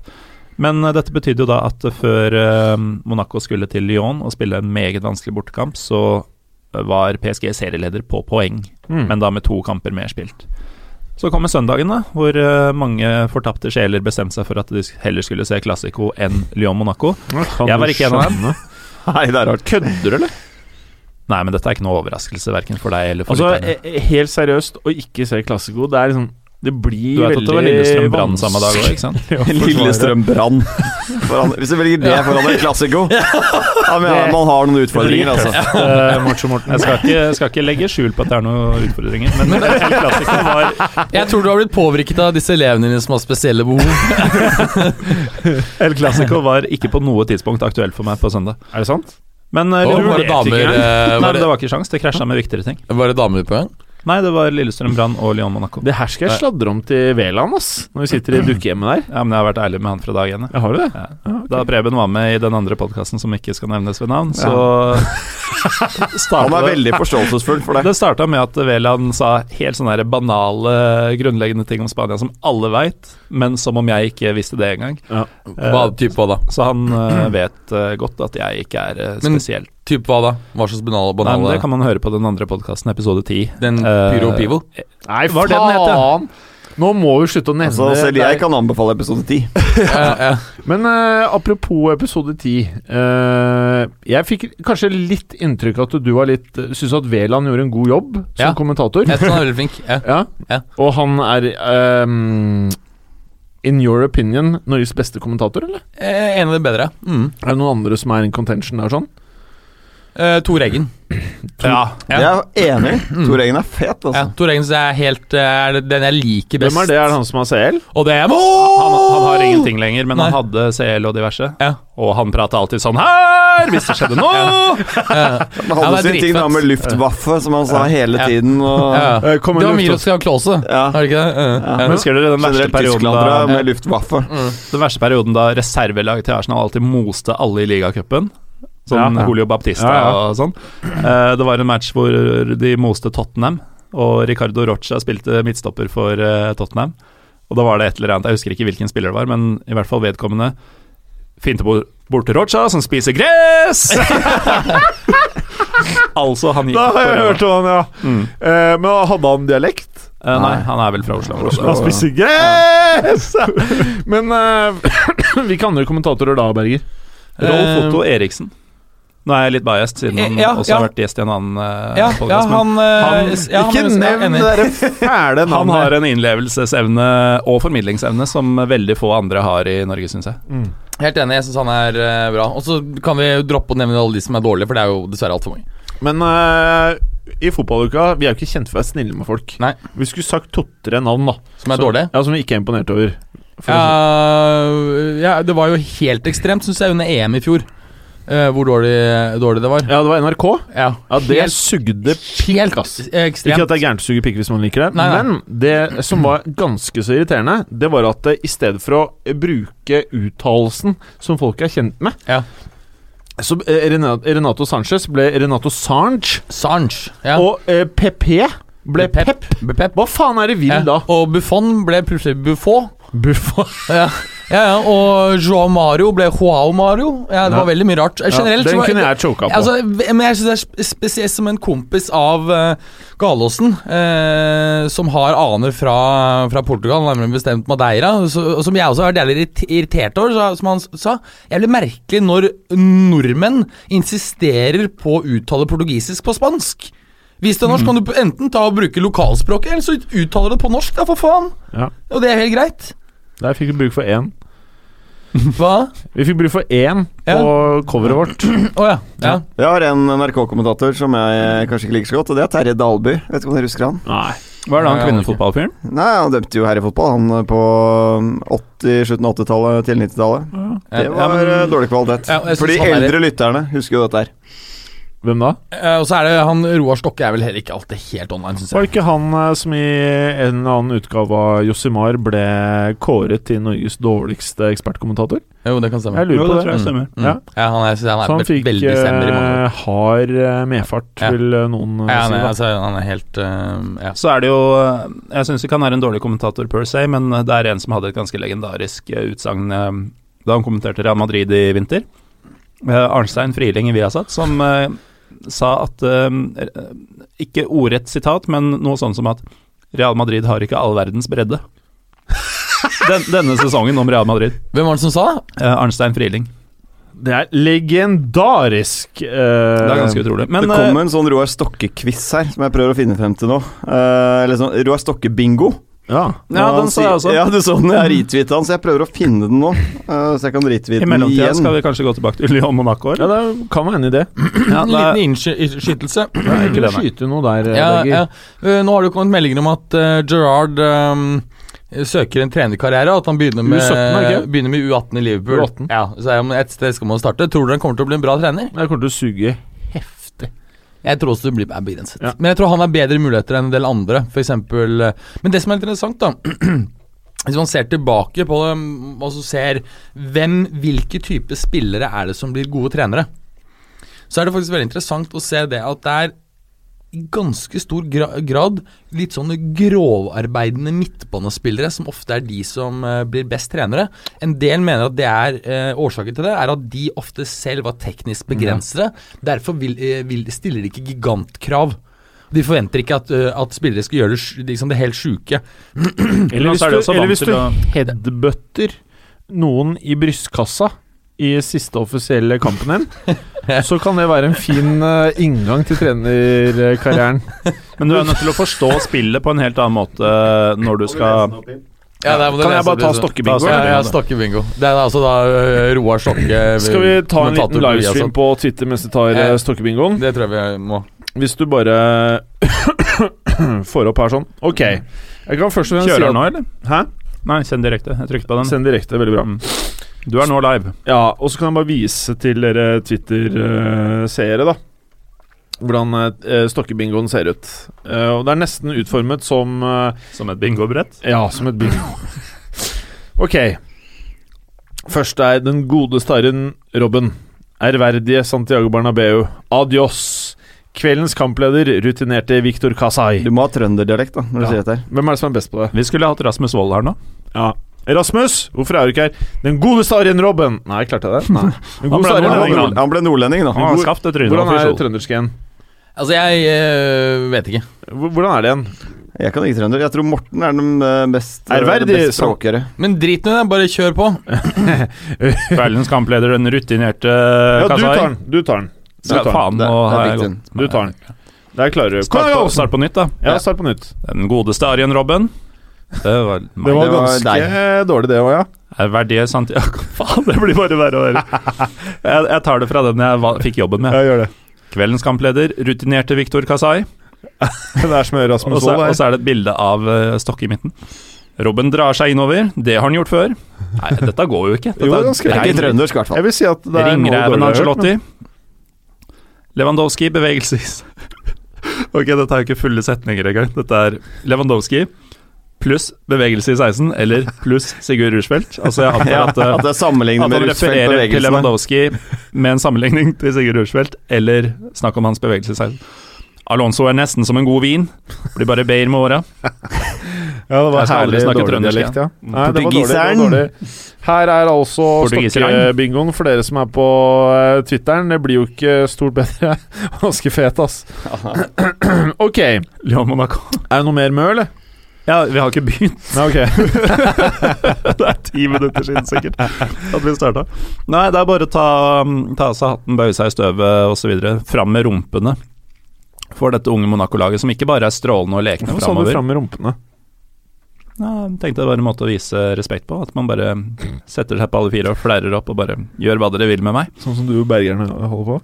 Men de er jo også menn til å takle de store anledninger. Og igjen så er det jo eh, Mbappé som blir matchvinner. Det sier seg nesten sjøl at han scorer hver gang han spiller nå. Eh, han og Falcao som scorer målene i 2-1-seieren. eh, Men han Mbapp Er det E- sånn nå at eh, når, når han skifter klubb Ja, Mbappe. Når han skifter klubb nå i sommer Er det sånn at, det ja, ja, er det sånn at han blir helt dritt med en gang? Jeg tror det. Jeg, jeg tror det kommer til å suge spett når han skifter klubb. Jeg- jeg- Jeg tror ikke han kommer til å skifte klubb. Nei, ikke jeg heller. Nei. Jeg tror ikke han kommer til å gå for neste år. Fordi han er, For det første så går alle rapportene på dette er en kar som har beina plantet uh, i, på Mm. jorda og, og tar uh, fornuftige avgjørelser. Og så han vet jo det at han akkurat debuterte for landslaget. Det å skifte klubb året før uh, VM, ikke veldig smart. Han Nei. er så jævlig ung at han er kjempelurt. å bli i hvert fall én sesong til. Han eh, har jo også sagt, eh, dette var vel i kjølvannet av eh, kvartfinalene, at eh, da Real Madrid ble nevnt da, i et intervju, så sa han at Real Madrid for meg er et eh, lag som en går til når du er på toppen av karrieren, eller sånn, i hvert fall når du er på ditt beste, og det er ikke jeg i nærheten av ennå. Mm. Um, men både han, eh, Bernardo Silva og Thomas LeMar Det var vel sånn Ødegaard også tenkte, vel? Mm. Tror det. har eh, mer eller mindre sagt at de ønsker ikke å flytte på seg denne sommeren, mye pga. mesterskapet neste sommer. Mm. Og det betyr mye for den klubben her. Mm. Uh, men i hvert fall, de kommer hit da med alt å tape mot et uh, Lyon som vil lage kvalm. Og de har rett og slett full kontroll i første, leder 2-0 til pause. Og er egentlig ikke særlig trua i andre omgang heller, selv om de slipper inn et mål eh, på en uh, dødball fem minutter ute i andre omgang, og det blir 1-2. Også sluttresultatet. Men det er ikke bare bare å komme hit. Altså, du har et Lyon som man før hver sesong tenker at skal være det laget som er nærmest PSG, og det er jo tross alt i semifinalen i Europaligaen. Men til alt overmål så kan vi jo nevne at Monaco spilte uten begge stjernebekkene sine. Ja.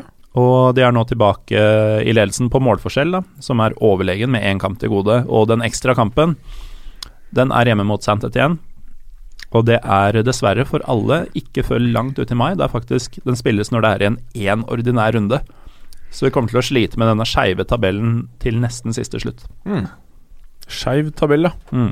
Sankt Etienne er jo ikke Nå har de hatt en dårlig periode, riktignok, Sankt Etienne, men de ligger jo relativt høyt oppe på tabellen. De er en europaligaplass-contender, Ja. Eh, og kampen er hjemme i Monaco, da. Det er jo det- formildende. Burde jo være tre poeng. Ja, men det vil jo også være Dersom ikke ting skal være avgjort på forhånd, så vil det være veldig mye press på dem når den kampen kommer. Og det er kun de som spiller den kvelden.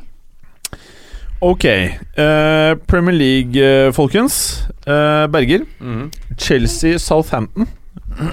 Ja, som vi, vi var jo inne på det den matchen tidligere i sendingen, og Chelsea vant jo da 4-2. Costa tilbake med to skåringer og en assist. Så sharp ut. Veldig viktig seier for Chelsea. Kom jo inn her med, med to tap ikke sant, i løpet av de siste fem kampene. Folk begynte å lure nå på om skulle de snuble skikkelig og Tottenham stikke av med det. Jeg tror ikke det kommer til å skje. Jeg tror det her viser at Costa er tilbake, og Chelsea er ikke så rystet som det vi eh, kanskje trodde. Morsom kamp. Det er mye sjanser, eh, men eh, konklusjonen ut av det er vel at eh, Chelsea, eh, med et såpass lett kampprogram det har igjen, så ser det egentlig greit ut, tror jeg. Testen kommer jo mot Everton nå i helgen, tenker jeg. Det er det Ja. liksom siste hinderet de har. Men eh, det er litt sånn typisk Palace Nei, Palace, eh, Southampton. Uh, Syns jeg godt fotballag, og de, de ryster jo Chelsea her i første omgang i, i store perioder. Men så ser du da forskjellen på et lag som har noe å spille for, og et lag som ikke har noe å spille Ja. for. Når Chelsea da får en scoring, eh, to, så, så orker egentlig ikke Southampton å svare på det. Mm. Og, og jeg syns Chelsea viser sin klasse i den eh, Ja, i den matchen her, altså. De er eh, solide over hele fjøla. Ja, det er, det er litt det vi begynner å se nå på denne tiden av året, at de, eh, de lagene som ikke har noe å spille for, der blir det litt begrenset eh, innsats. Ja, De er gjerne med de første halvtimen. Ja. De gir det en go, og hvis de er med på notene kampen er jevn, så gir de fortsatt gass. Men får de én i sekken, to, så er det kjørt. Ja, ikke sant, og at du, du, du holder ikke Motivasjonen er først ikke like høy, og da holder du ikke like høy intensitet hele, hele kampen. Det er klart at det- er vel det som kan eh, gjøre at Liverpool greier å stikke av med fjerdeplassen og, Champions League. Rett og slett at det er så mange matcher de har nå, eller såpass mange møter hvor, eh, hvor motstanderlaget ikke har en dritt å spille for. Nettopp. Uh, Preben. Palace. De Fulgte du med noe i det hele tatt? Nei. Ja, jo, jo, jo. Palace mot Spurs. Hva skjedde der?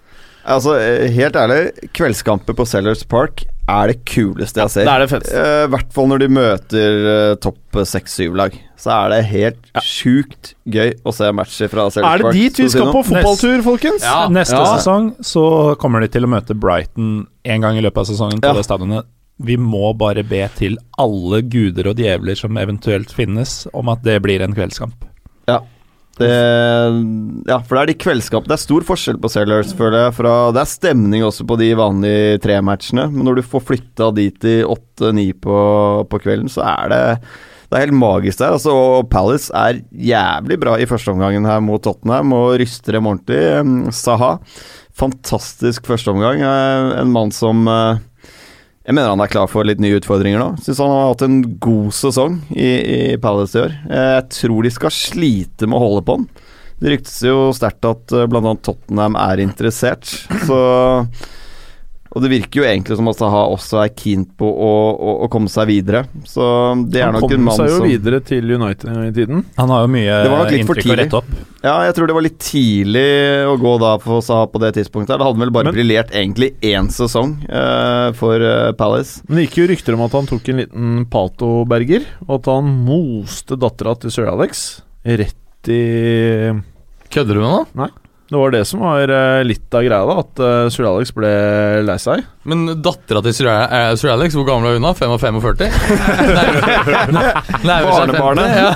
Tenk mer på Det barnebarnet. må være, mer, må være barnebarnet. Ja, et eller annet Tror Jeg tror det var Det dattera. er noe kødda det er, Nei, det er ikke kødd. Det er noe Enten en datter eller barne Det er et eller annet slekt i Ferguson-slekta som Zaha bare moste. Og det digga ikke Sir Alex? Ja, Han syntes ikke det var noe ålreit. Ja, Fordi. Silvo synes, tror jeg ikke syns det gjorde noe. Gjorde noe. Nei, jeg tror Barbara syntes det var dritt å bli ditcha Pato. Ble ditcha Jeg tror Pato ditcha henne, ja. da han dro tilbake til Brasil. Jeg vet ikke helt. Men det var dårlig stemning, i hvert fall. Det var dårlig stemning. Ja, det var ikke topp. Nei. Mm. Eh, Ja, men ja. eh, Tottenham var eh, heldige som fikk beholde Wanyama på banen eh, mer enn eh, drøye halvtimen. Han burde hatt sitt andre gule kort. Han klippa ned Andrew Stanson. Og det er litt det vi egentlig snakket om i, i forhold til Vidal-taklingen, at du, du skal ikke dømmes på at du har et gull fra før. Og det ble han helt åpenbart her. Hadde han ikke hatt gull fra før, så hadde han fått gull på denne. Så han burde vært utvist, men eh, Port skjønner at han kan ikke ha Wanyama på banen, og Dembélé fikk seg en liten smell også, så han tar ut begge de to. Setter inn på Sissoko og, og sånn, men legger om fra en 3-4-3 til 4-2-3-1. Og da dominerer Tottenham andreomgangen, og spesielt det trekket med å få Eriksen dypere i banen, så han får mer tid med ballen, mer ballkontakt. Han var banens gigant, og jeg syns Eriksen er i ferd med å utvikle seg til en uh, litt sånn samme karrierevei som Modric hadde i Tottenham. Mm. Uh, bli den playmakeren. Uh, jeg syns faktisk han er bedre når han ligger som en av de to sentrale i fireren her, da. Hvor han kan være playmakeren, diktere tempoet i matchen, for han er så pasningssikker og fotballklok. Mm. Tenk deg om Norge hadde Um, hatt en spiller på det nivået. Hvor gøy det hadde vært.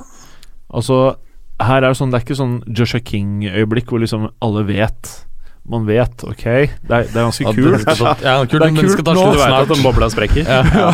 Men du vet at det bare er snakk om tid før det liksom går som alle norske fotballspillere. Men her har du Altså, danskene og svenskene får liksom frem noen sånne world class karer, ass. Ja, det er, og de går på en måte en sånn riktig karrierevei også, da. De Ja, de utvikler seg. De tar de små stegene. Ja, de tar de små stegene, og hvis Eriksen fortsetter som dette her, så forsvinner sannsynligvis han fra Tottenham på Men hypotesen også. min er jo Men- at spillere ikke kommer til å forsvinne fra Tottenham fremover. Ja, det er, jeg også, Det er min det er hypotese. Mm. Ja, men det er jo lønninger, da. Altså, du ser jo Du kan jo bare gå til Manchester-klubbene, så kan du gange lønna med to. Eh, jeg tror en fyr som Kyle Walker kan stikke nå til sommeren, med Bayern München interessert, eh, City interessert. Mm. så kan fort en Kyle Walker forsvinne. Jeg tror ikke det vil skade Tottenham nevneverdig. Jeg syns ikke Tripper er så mye dårligere at det vil være noe krise. Selvfølgelig en god spiller. Men eh, nei. eh, det er imponerende med Tottenham. Det er åtte strake seier i ligaen. De har satt ny poengrekord eh, for seg selv i Premier League med 74 poeng. og Fortsatt fem kamper igjen å spille.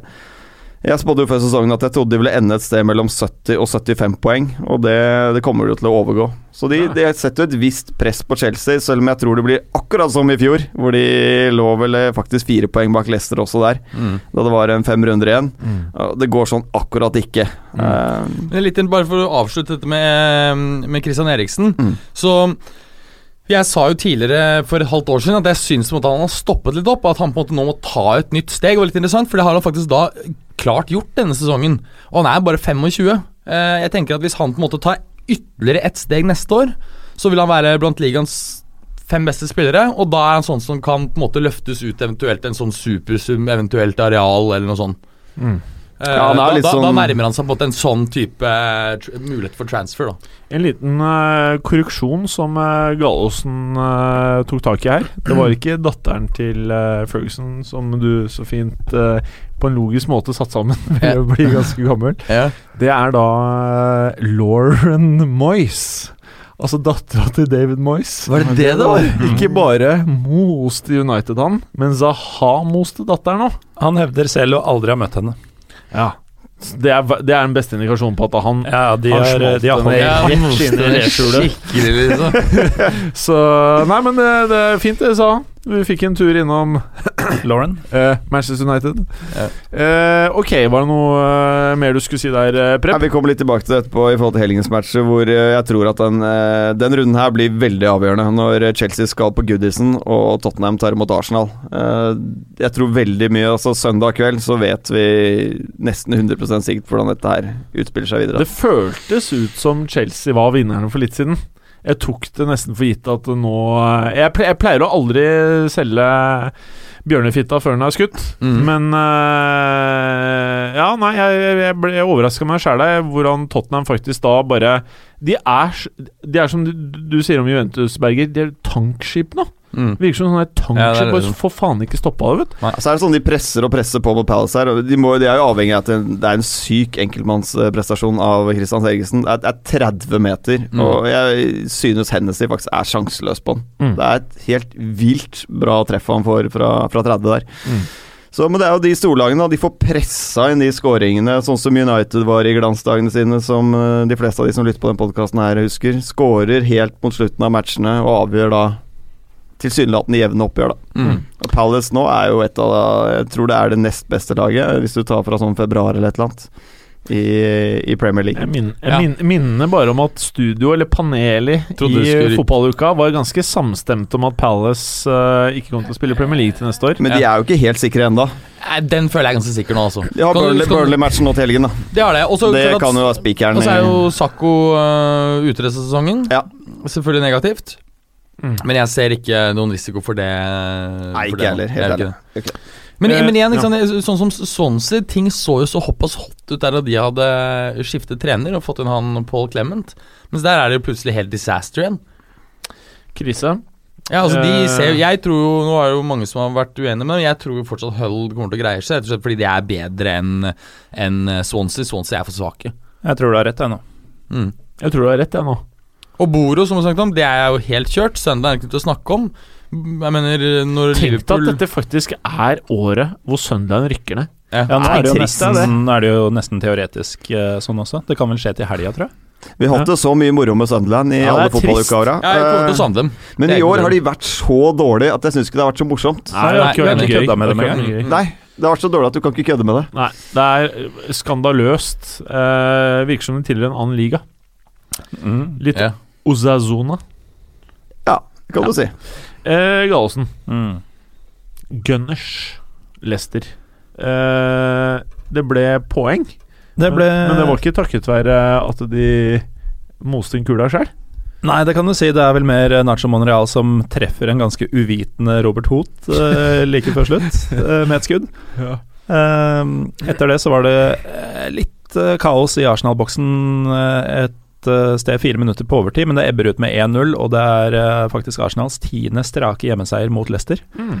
Uh, Leicester har ikke slått uh, Arsenal i Premier League siden november 1994. Det er 21 kamper, det. Uh, men Arsenal, da. Det har jo vært mye fokus på Arsène Wengers manglende evne til å fornye seg, og den derre staheten hans og sånn, og spesielt i den drittperioden de har hatt ganske lenge. Nå kjører han tre bak igjen, og det blir en ny seier. Og de er bare fire poeng bak City nå. Ja, jeg, jeg har jo sagt nå lenge at det blir topp fire, men eh, det ser ikke lyst ut. Men jeg står, for jeg står over det. De fire poengene er før eh, City United er spilt, for øvrig. Mm.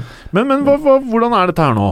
Hvis nå United får CL gjennom uh, en annen cup eh, som de visstnok er med i Ja, Da blir det fem Ja. plasser. Da er det fem plasser. Det er, Ok, så Ja. de okay. Mens, mens et, et si- land kan nei. aldri ha mer enn fem. Slik at hvis Leicester hadde vunnet Champions League, så ville mm, Da ville, da ville fjerdeplassen ha falt bort. Men for, for, eh, skjønner du hva jeg mener? Ja, ja, ja. Mm. jeg, jeg tror det bare blir fem lag hvis United ikke ender i topp fire. Og Ja, jeg, jeg tror de fire pluss United eventuelt. Det er helt riktig. Det kan, men Mm. men det kan, et land kan aldri ha mer enn fem lag. Nei. Slik at hvis du har da to klubber utenfor topp fire, som vinner både da Champions League og Europa League, så faller, får ikke fjerdeplassen det Mm. likevel. Så femteplassen vil da uansett ikke få noe. Om, Nei, nei. det, det er veldig Mourinho er United. å få Champions League-plass første år i Manchester United uten å komme topp fire. Det, Mm. det er noe Mourinho over det. Ja, det er det. det er, han, jeg er sikker på han sitter hjemme, han er Rui Farri og bare Wait it. We fool everybody again. Ja, we fool, we fool them.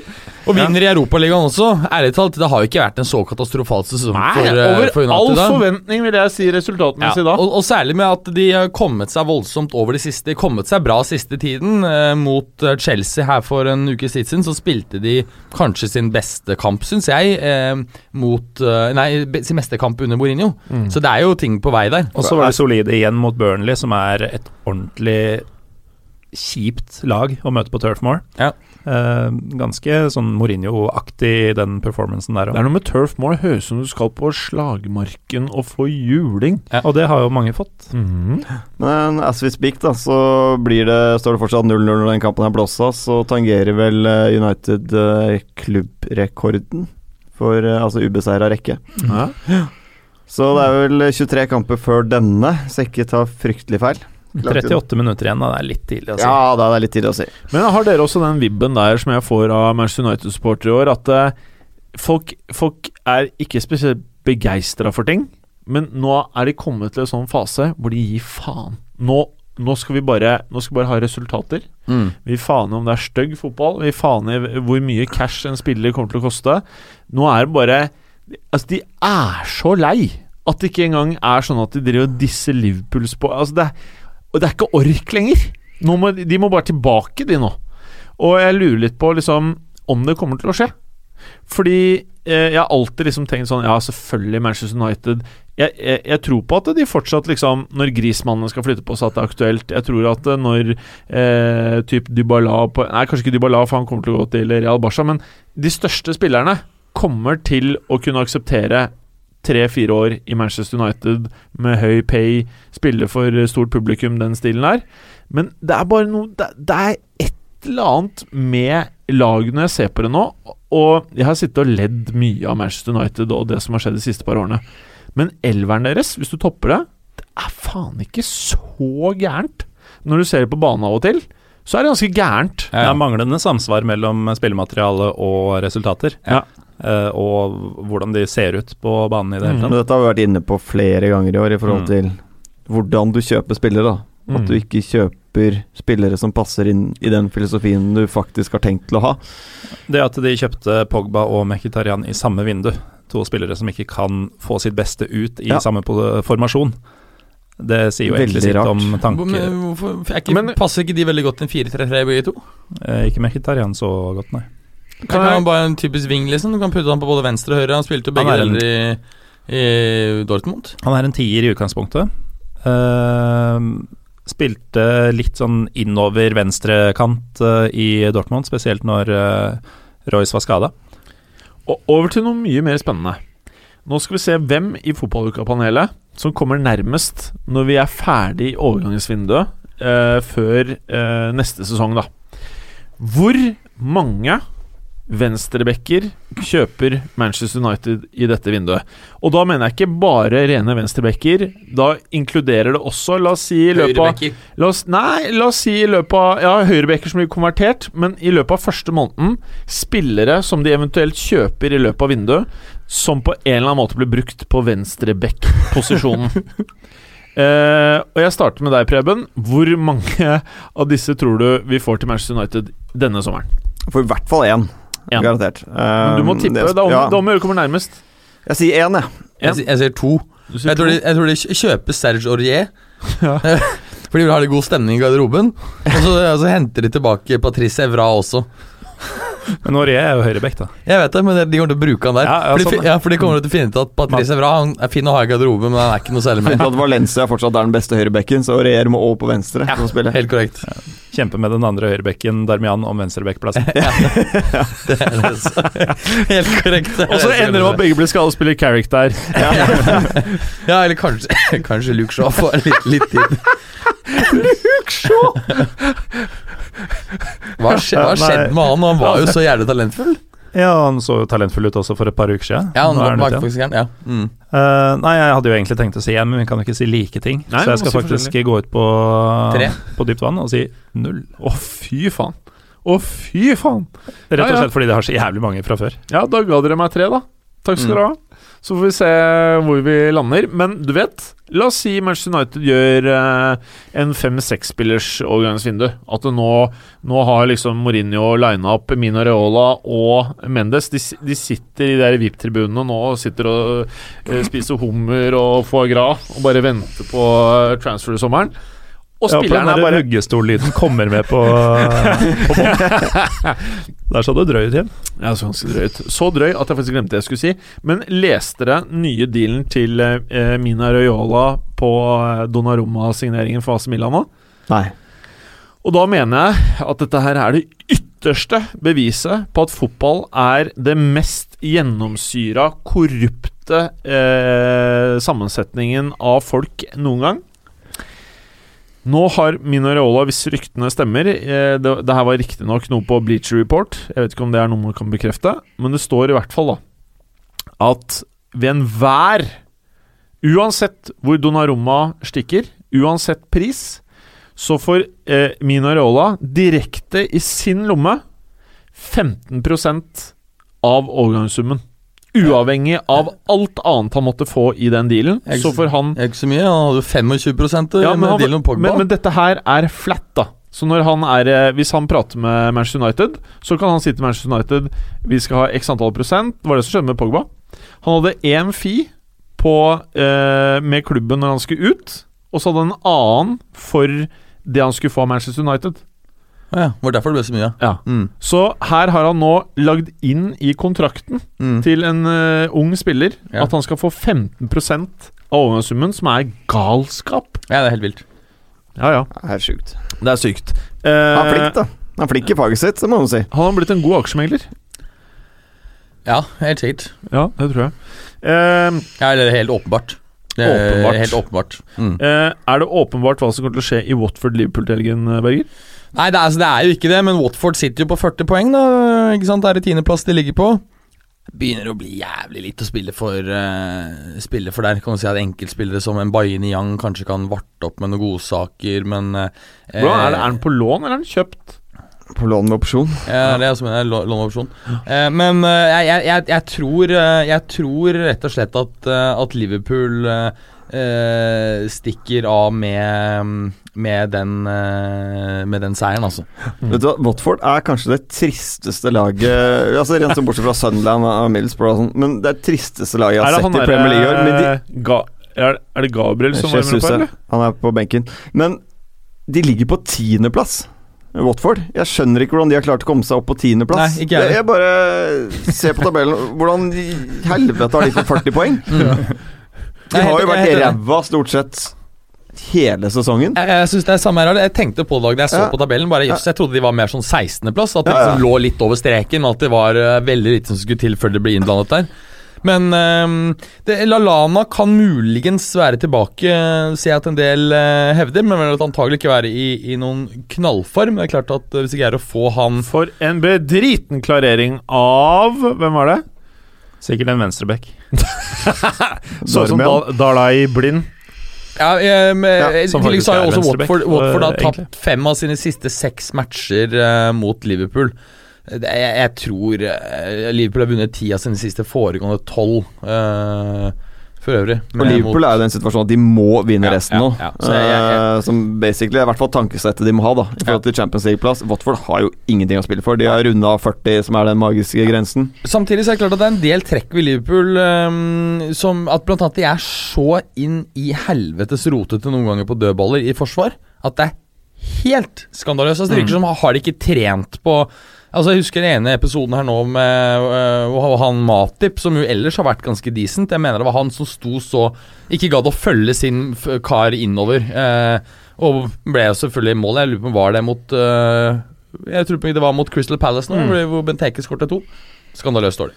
Men, det- eh, men eh, du husker når vi starta fotballuka denne sesongen her, så satt vi her og lo av Klavan og Matip og alt mulig. Det har jo faen meg gått ganske ok, har det ikke det, Gallosen? Det har gått mye bedre enn jeg venta, i hvert fall. Ja. Uh, Klavan har vi jo for så vidt ledd litt av gjennom sesongen også, men Ja. uh, Matip, som jeg trodde vi skulle gjøre mye mer av, uh, han har jo sett solid ut, og til og med positiv, eh, det aller meste av tiden. Men Så Så det er han var klart bedre på høsten enn han har vært nå. Ja, det er for så vidt sant. Men det der klovnegreiene som jeg forventa, det har på en måte uteblitt. Men ble ikke han kåret til årets forsvarsspiller i Bundesliga og sånn tidligere? Nei. Gjør ikke det? Men uh, en som hadde en fantastisk sesong uh, forrige sesong, det var uh, Marvin Matip. Ikke at han, han ble neppe kåra til årets forsvarsspiller, det kan jeg ikke tenke meg. Men Ja, han, var, han var mye mye bedre, han var mye bedre, sånn, ja. mye bedre enn Joel forrige sesong. Okay, ja. Så det var jo noen som ville si at uh, Liverpool hadde kjøpt feil Matip, men det hadde de ikke. Kan noen Marvin fortelle meg om Emre Can skal signere ny kontrakt eller ikke?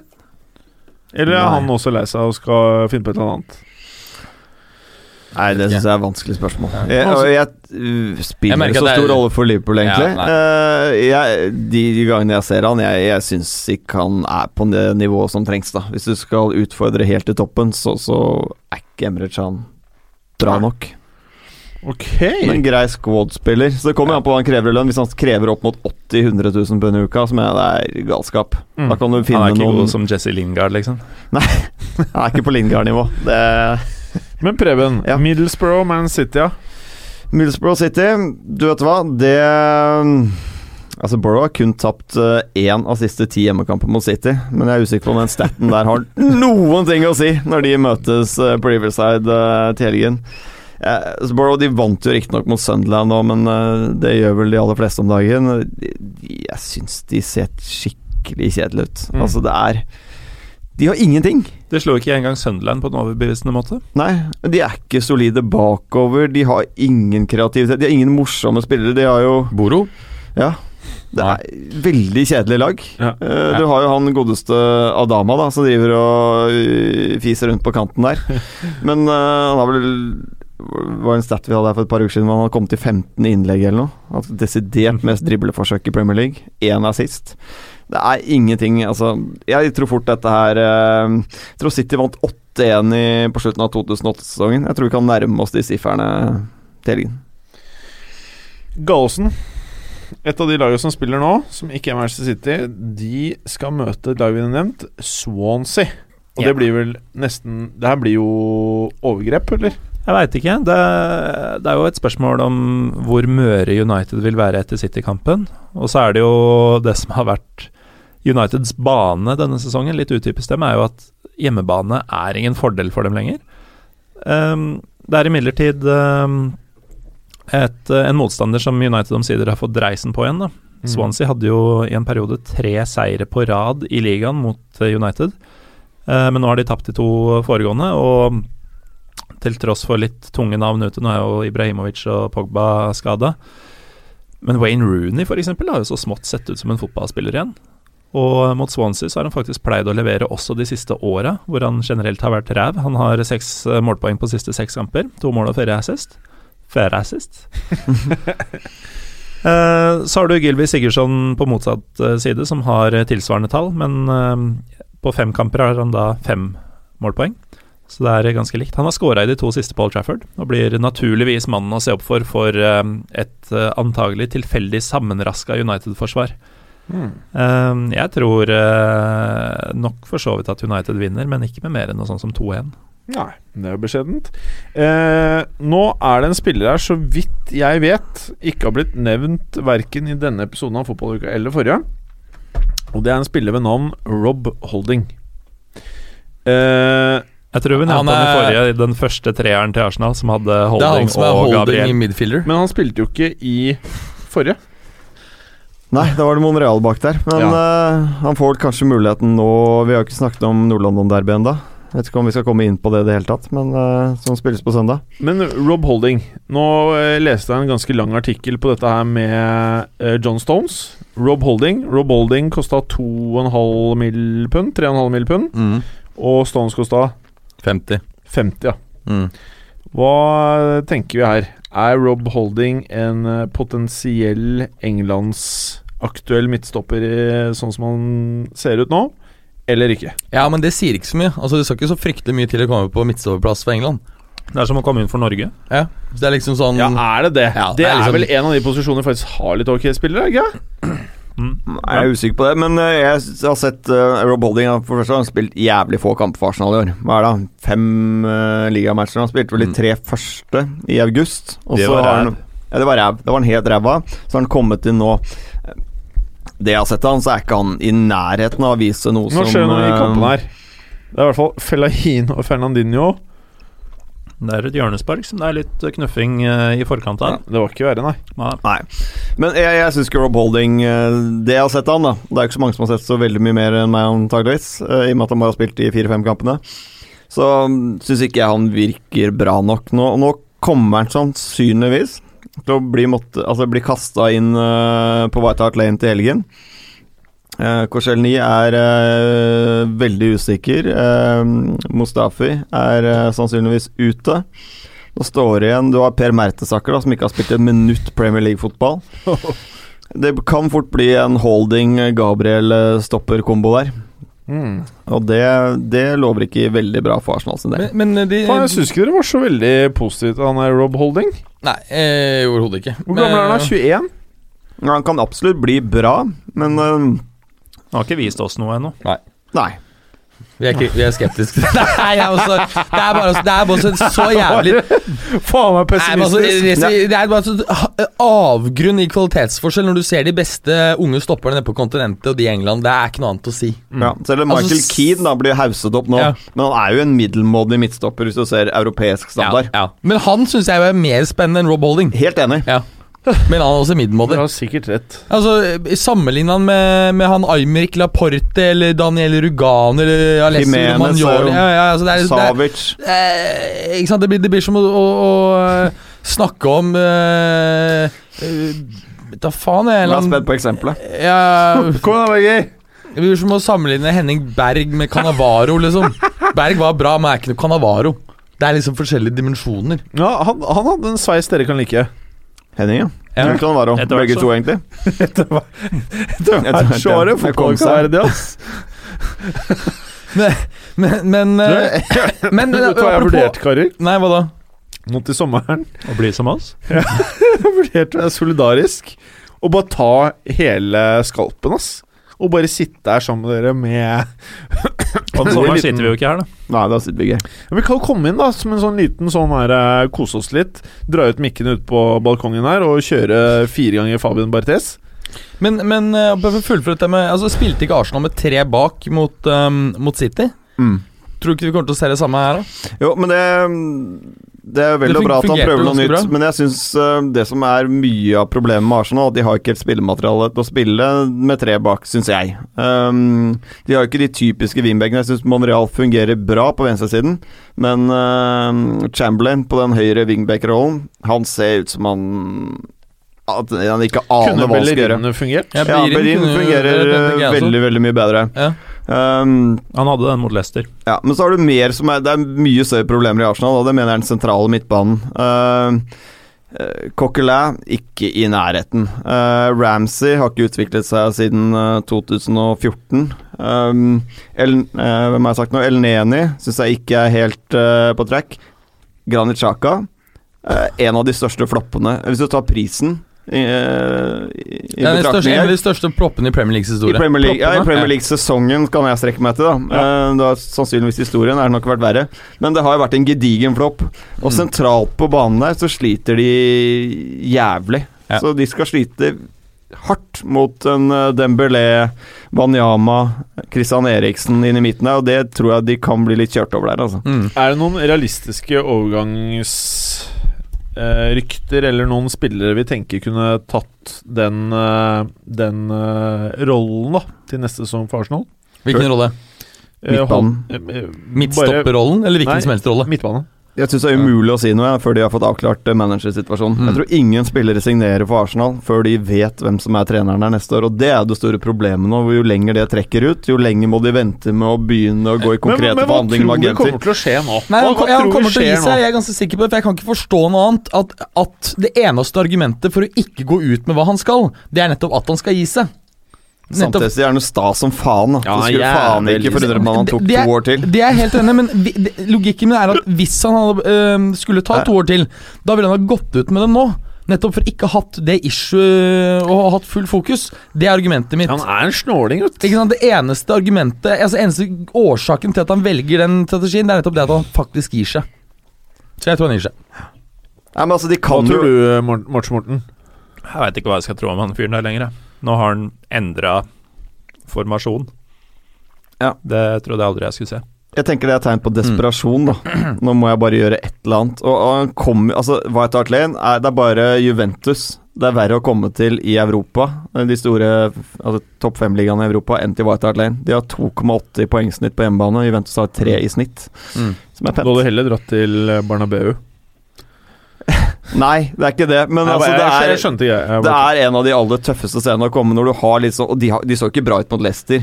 De så ikke bra ut mot Middlesbrough med tre bak. Jeg syns heller ikke de så dritbra ut mot City, selv om de vant i FA-cupen. Mm. Så det er mye, mye å ta tak i der, altså. Mm. Det, det er liksom Som vi egentlig snakket om før sesongen, når vi kom med tabelltipset, er jo den eh, Vi holdt jo utenfor Champions League, Mm. og snakket om det at de, de, de kan komme inn litt sånn eh, post Ferguson Samme som United har slitt med, da. At På du kan være utenfor i flere sesonger Ja, på rad. da Men på den annen side kan du si at eh, Arsenal har jo vært i en sånn post-Ferguson-fase nå i ti år, da. Ja, men de har i hvert fall kommet til liksom- Champions League. ja, det skal, har, nå det skal det nevnes at jeg syns at Arsenal, eh, hvis Wenger stikker nå, etterlater seg en vesentlig bedre tropp enn det han derre stakkars eh, Enn det Ja, ja, ja. ja, ja, ja, faren til. Lauren eh, Moyes, Ja, Moyes, fikk. Og ikke minst et fundament hvor alle i klubben vet hvordan ting skal drives. Ja. Uh, for de har jo Jeg kjenner ikke Uniteds innside så godt, men jeg tror ikke de har et så gjennomsyra system nedover i alderstrinn og rundt i klubben, uh, forma etter én viss filosofi, uh, som det Arsenal har. Mm. Sånn at Da United skulle hente ny manager, så var det jo navn ikke sant, i hytt og pine som sto for vidt forskjellige måter å spille fotball på. I Arsenal så tror jeg de vet hva de er ute etter av typer. Og da vil det jo være lettere å videreformidle ting og videreutvikle. Hvem hadde du henta, Gallosen? Eh, spør Preben. Preben? Nei, jeg syns det er veldig vanskelig. De, de må først finne ut hvilken retning de skal gå i. Skal de fortsette den uh, tralten de er i nå, så tenker jeg Eddie Howe kan være et godt alternativ. Oh, Hvis det er faen, det som er liksom ja, jeg, å, ja, ja, men hvis det er det som er målet, da. Men jeg mener at de kanskje bør røske litt opp i rota her. Altså får det heller ta et par år hvor de sliter lite grann. Ehm, Tror du de to beste alternativene er han Leonardo Jardim eller eh, Thomas Tuchel? Ikke Allegri? Nei. Ikke Allegri? Nei. Nei. De ønsker jo mer Tror Allegri blir bli lenge i Ja, det tror jeg jo. Det, er- det, Nei, men nå, det, nå, det, prater, nå Ja, ja, prater vi ok. urealistisk, ja, da. ja, ja, ja, Bare- nei, ja, for det tror ikke jeg er realistisk lenger. Det trodde jeg på en periode kunne være, være tilfellet, være holdet, men nå, nå tror jeg ikke det er Jeg tror det er veldig sannsynlig at han tegner ny kontrakt. Jeg vet ikke om jeg ser på Jardim som uh, sannsynlig heller, eller eh, realistisk. En annen som hadde vært perfekt, det er Marco Silva i Hull. Han er du jævlig fan av. Jævlig bull på han. Ja, men jeg, er enig med deg, men jeg tror ikke han er i nærheten av å få den jobben her. Da får vi nordmenn i Arsenal igjen. Ja. Paul Lydersen-style. Men jeg, jeg, ellers så Spørsmålet er vel om Markus Henriksen hadde vært i den klubben der. Men- Hva, men- hva med å bare brekkstange inn Tony Adams her, da? Ja, det, han, gru, han groomes Han groomes i Granada nå. Oh my god. Han skal Neville ta over. og- Han med Lee Dixon assistent. Bare få samla litt momentum nede i Spania der, og bare boom! inn med han, liksom. Jeg syns det er et jævlig vanskelig spørsmål. Men tror du, Er det noen sjanse for at, uh, Thomas Tuchel uh, kan la seg Eller er han på en måte sånn midt i et prosjekt nå, så det er ikke et tema, det heller? Ja, Det kan man jo på en måte si, men samtidig så har jo ikke det prosjektet gått den veien han eller klubben eh, forestilte seg. Har det gått så mye dårligere? Jeg vil si det. Jeg er ikke så imponert over Tuchel, jeg. Jeg, jeg syns han blir litt vel haussa opp eh, rundt omkring. Resultatene sett under ett er ikke bra nok, faktisk. Men øh, laget hans, og lagene hans tidligere også, ser utrolig fete ut når det går bra. Eh, jeg er litt eh, skeptisk til om han eh, har nok strengere å spille på, egentlig. Ja, For det gjør jo Arsenal òg. Når det går bra, så ser jo Arsenal fantastisk ut. Ja, ja. Men, Og som uh, alltid det ja, feteste laget i England når det går bra. Ja. Når du sa han har ikke mange nok strengere Tenker du da han som person, eller at uh, han ikke har de i den klubben og den stallen han har i Dortmund? Nei, den stallen han har i Dortmund, er jo, vil jeg si, den beste stallen Dortmund har hatt eh, siden 90-tallet, kanskje, da de vant Champions League. Så det er bedre enn en under Klopp. Jeg vil si det. Ja. Du, Grosskreutz hadde ikke kommet inn på dette laget, for å si det sånn. Og Klopp hadde aldri den bredden som uh, Tuchel har hatt denne sesongen. Men, Men er hva, det hva, med, hva, hva skulle ja. han realistisk ha gjort? uh, Skulle han kommet ett steg lenger i Champions League? Skulle han ha vunnet ligaen, liksom? Ok, de var svake i ligaen før jul. Det er he- uten tvil. De var ikke i nærheten av ligaen verken første eller andre året hans. Og um, var det ikke Klopp de- og- første og- og andre år heller, da. Mm, Nei, men uh, Klopp tok jo da over en middelhavsvarer. Det er sant. Det gjorde ikke uh, Tuchel. Uh, mer foruroligende er jo at Bayern har blitt dårligere. Likevel er Dortmund lenger unna. Mm. Et godt poeng. Mm. Ja. Eh, hva med Simione? Nå han står for noe helt annet enn eh, Wenger, selvfølgelig. Men eh, han er vel det nærmeste som ikke er Mourinho, som jeg liksom kan se for meg. Ok, Conta er jo litt der, men han er vel det nærmeste jeg føler det er sånn garantert resultater. Føler jeg.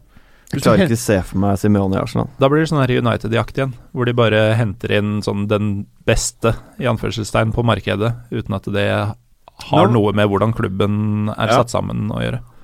Så blir jeg sikrere og sikrere på at Simione ønsker å ha en sesong på den nye stadion til Atleti. Det tror jeg òg. Og det mistenker jeg også at det kan være tilfellet med Grismann. Ja. Eh, så jeg lurer på om han ikke kommer til å gå til sommeren, da. Ja. Mm. Ja, det er naturlig. Jeg, jeg, tror hvis Simione blir, så blir. Ja, tror jeg Jeg er rimelig sikker på. Ja. Eh, ok, føler vi at vi begynner å nærme, nærme oss her. Vi Vi har ikke snakket om Everton-Chelsea. Nei, det har vi faen ikke. Det står ikke i programmet, vet du. Han som sendte ut programmet, han bare tok står vel ikke med. programmet. Det står i programmet, den. Det gjør det. Ikke mitt program. Um, Du valgte å hoppe over de to hotteste oppgjørene. Altså Everton, Det er har, greit, jo- Everton har jo faktisk et, eh, et eh, veldig bra track record eh, hjemme på Goodison mot, mot Chelsea. Har vunnet fem av sine siste syv Premier League-kamper på hjemmebane. Tapt de, to, de to andre. Så, eh, så det er ikke noe rett å ta, eh, eller sånn sett. Men, men samtidig så kan du snu på Everton har jo, er jo kontringssterke og gjør det jo egentlig minst like godt eh, borte. Så Ja. det, denne staten her var jo egentlig mer sånn spesifikt mot, mot Chelsea. Samtidig så er det faktisk bare mot Tottenham Chelsea har skåret mer Premier League-mål mot enn mot Everton. Skåret 80 mot, eh, mot Everton, mens 92 mot, eh, mot Tottenham. Men Everton er jo avhengig av at uh, Lukaku har en eh, god dag. Han har vel aldri putta mot sin gamle arbeidsgiver før. Det er fem matcher hvor han har gått målløs av banen. Helt riktig. Mm. Uh, og Lukaku har jo slitt med å prestere i de store kampene Ja. uh, i hele år. Som eh, jeg sa i forrige uke på det, og det eneste ankepunktet jeg har mot Lukaku, er at jeg må se han prestere mot de absolutte topplagene. Mm. Ikke bare, ikke bare at jeg banke inn fire mål mot uh, Swansea. Mm. Men er nødt til å prestere her også. Eh, Men det er, eh, dette her er en av de Det er det tøffeste oppgjøret Chelsea har igjen denne sesongen. Men Kost er jo, som vi i hvert fall tror vi, tilbake i bra, bra form. Og han har vært direkte involvert i seks mål eh, på sine fire Premier League-kamper mot Everton. Fire mål og to assists. Fabregas også en, eh, en bra track her. Hatt en hånd med i åtte mål mot, i sine syv siste kamper mot, uh, mot Everton. Fire mål og, uh, og fire assist. Jeg tror dette fort kan bli et av de feteste oppgjørene denne helgen. her. Det tror Jeg jeg. tror det blir dritmorsom kamp. Jeg tror hele søndagen, da Altså den lørdagen kan du egentlig bare skippe i Premier League, Ja. men uh, spol over til søndagen, så er det jo det er jo da alt det kule skjer i, i Premier League. Eksempel velge La Liga på lørdag. Ja. Hot tips. Uh, nå var det vel en skade i matchen her. Var det keeperen Bravo til ut på båre. Blessing in disguise.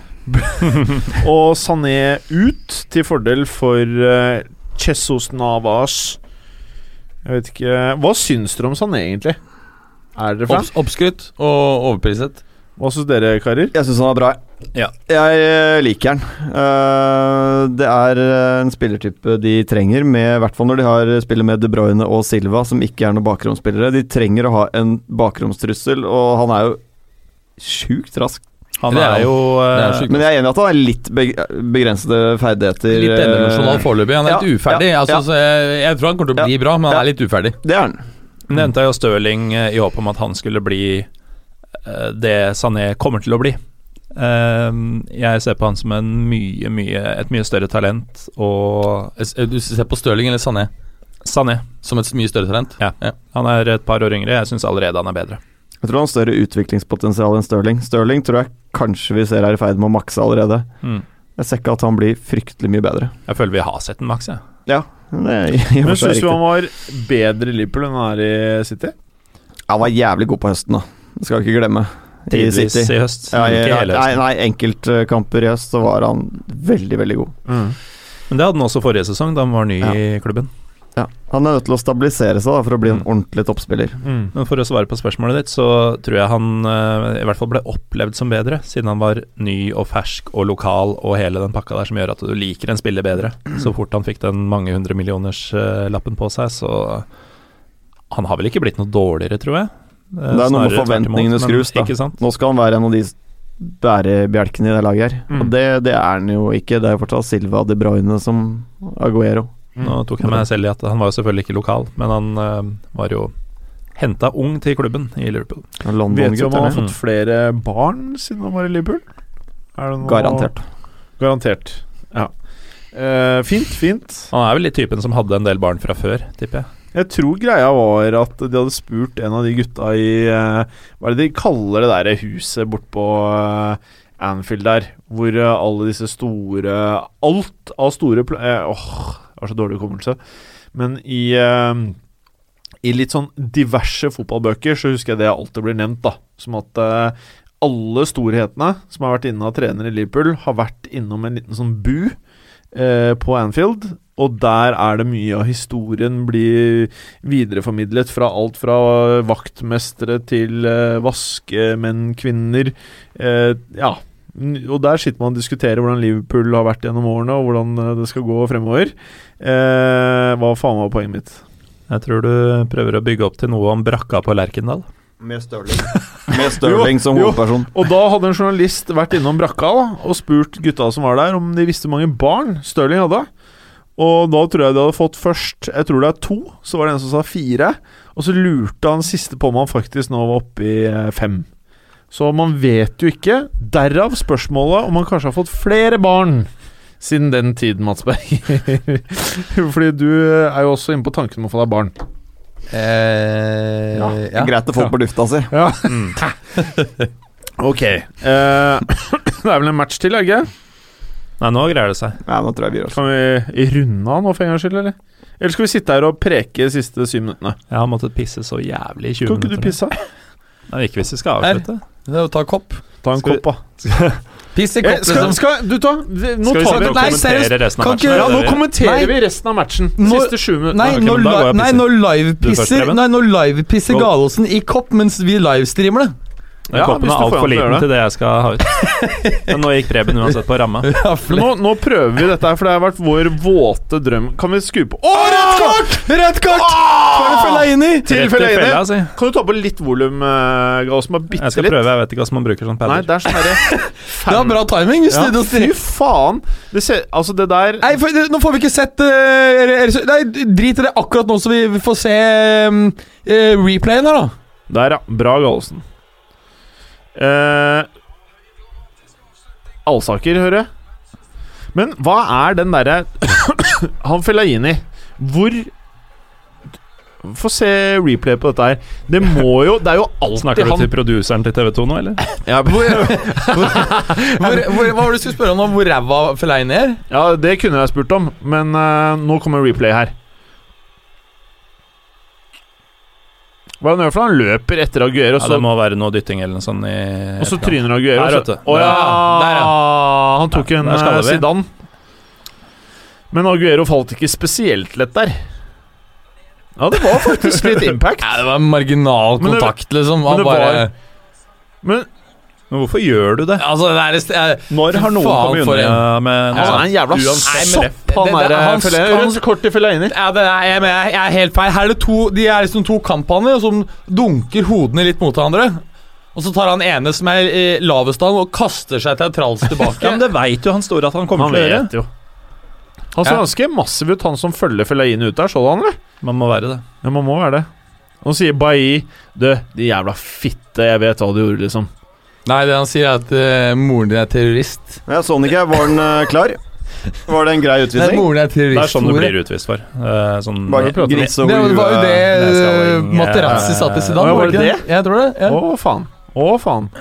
Og Mi Mkhitarian Hvordan sier dere det? Mikki? Mehi. Mkhitarian? Mehi. Mki- sier jeg. Se på han eh, 24 som skal inn der. Hva er dette for en type, da? Det er Men data. eh, ethvert lag som bytter ut Henrik, eh, fortjener jo Å, ikke faen, å er det vinne. han Men Fosse Mensa var en av de som imponerte meg mest i fjor, faktisk. Syns han Mm. var eh, Uniteds klart beste høyreback de gangene han fikk eh, spille. mm. Jævla bra. Han derre Stirling Han har alltid noen sånne mutton chops på siden her. Ja, Jævlig stygt. Ja, jævlig Ja. fælt. Det er en av de en som spillere jeg ikke liker noe særlig godt. Uh, Stirlings? Ja. ja. Han er en liten fæling, kanskje. Ja, ja. Gjett om Gabriel Jesus kommer til å rive i stykker de timannsgjengen til United. da. Rivestykker. De ti gutta som er igjen. Ja, Det blir spennende å se de siste fem minuttene. Skal jeg gjette? Jeg gjetter at han ikke gjør det. Tror du ikke det? Du er faen meg ganske ordentlig eh, iPhone-etui, ass. eh. Ja, Det er sånn moren min har. Det Er ikke gjerne risikabelt å ha eh, alle kort sammen med telefonen? Er, er det Alt sånn, eller ingenting. ja, det er, det er sånn ja, Det er riktig. det er, det det er, ja, ikke sant? Det er veldig praktisk, da. Ja, ja. Jævla praktisk. Smart. Det er en sånn all in-strategi i aksjemarkedet. Det går enten jævlig bra eller ikke så veldig bra. Enten så blir du steinrik og kjøper deg en flåte med seilbåter, eller så er det Brugata igjen, liksom. Ja, Høyst sannsynlig alternativ to. Der vil du ikke være, ass. Brugata er eh, Det er et høl. Altså, det er uh... Snakk for deg sjæl. Du vet at uh, nå skal Brugata og Storgata pusse opp. Uh, kontrakt på Gunerius nå til Jeg husker ikke om det er Byporten eller Oslo City. Som skal stå klart 2019. Og eh, kontrakt på Gunerius. Så de, de skal ta over eh, senteret, og så u- bygger da Ton ut senteret. Ja. Har vi husket å si farvel til de som har skrudd av den poden her nå? Nei, tide. de sitter jo og hører på dette her. Du vil jo høre Du skal være- Barca Ganske fan av stemmene våre for å gidde å høre på det. Og ja, så det, var, Det tenker jeg det var et gult til Hvor lenge, som hvor, ble hvor, til eh, hvor lenge har vi holdt på nå? Du, så dere det? Han fikk først gult, Herregud. og så løper han rett inn i ny takling med Aguero, og så får han det andre gule. Så det, er, det, er, det, er løpet, det er to gule i løpet av ti sekunder, det. Var det gult? Ja, han Eller fikk gult først, og så Ja, fikk han direkte rødt. Ja, jeg tror han fikk direkte. rødt Men det der er jo klart direkte rødt. Hvor tjukk i huet kan det være? Ganske tjukk i huet. Så tjukk som det håret tilsier. Å, fy faen. Men eh, nå er det, siden vi satte på på ordentlig, eh, da vi burde sagt farvel til lytterne, så United har jo ikke hatt ballen. Nei. Nei, jeg har ikke sett veldig mye av den kampen her, merker jeg. Jeg har ikke sett så mye annet. Jeg tror neste, neste gang så må vi sette skjermen i andre enden, for da er det litt sånn Ja. det, er, det er mer gunstig for Preben og meg. Hva var det jeg skulle si, eh, Berger? Hva- hva da? Eh, eh, eh, Kevin De Bruyne. Mm. Hvordan er det du ser på han? For at det, i mitt, mitt hode Hva er det som skjer nå, da? Oi, faen er dramatikk her. Ja, Nå er det en United-spiller som er dytta ned. Eller i hvert fall som ligger nede. Det er uh, Rashford. Dette her er jo, syns jeg, på mange måter noe av det morsomste man får av fotball om dagen. At det blir faenskap. Ja, ja, faenskap er gøy. Er du helt enig? Hæ? Ja, det er jeg helt enig i. Ja, det er jævlig jo Jeg mener Derfor at man gidder å se på dette. Altså, Jeg ikke mener bare at- derfor, men Diego Costa burde gått på rullering. Sånn at alle lagene har han i løpet av sesongen en gang. Så det kan bli noe faenskap for alle lag. Ja, det er flink til å lage faen. Og det å se Suárez når han spiller for Liverpool, fy faen, var gøy. Ja, han har skjerpet seg for mye. Han har blitt døll. Hva skjer med G Jesus-drakta til G Jesusa? Jævlig langt eh, mellomrom fra G-en til Jesus. Ja. Altså, han derre G-Jesus. altså. Ja, Gangster-Jesus. Ja. Men han der du så der sånn, Market Rashford Rashford Mm. Jeg bytta han inn for jeg skulle være smart på fancy fotball. Double game week. Solgte Diego Costa inn med han fæle Rashford. Mm. Det blir jo Ja, det var ikke så smart. Det er litt sånn Berger-fancy Nei, for jeg ville aldri solgt den. Jeg ville bare sittet sitte statisk jeg med en, eh, en, en oppstilling. Full tillit. Ja, ja. Skada fire måneder, han blir bra. han. Jeg tror det blir fint, det. Takk for at du gadd å høre på. Vi er Fotballuka på Twitter, Facebook og Instagram. Følg oss gjerne. Men bare få høre. Den tror jeg blir litt fet.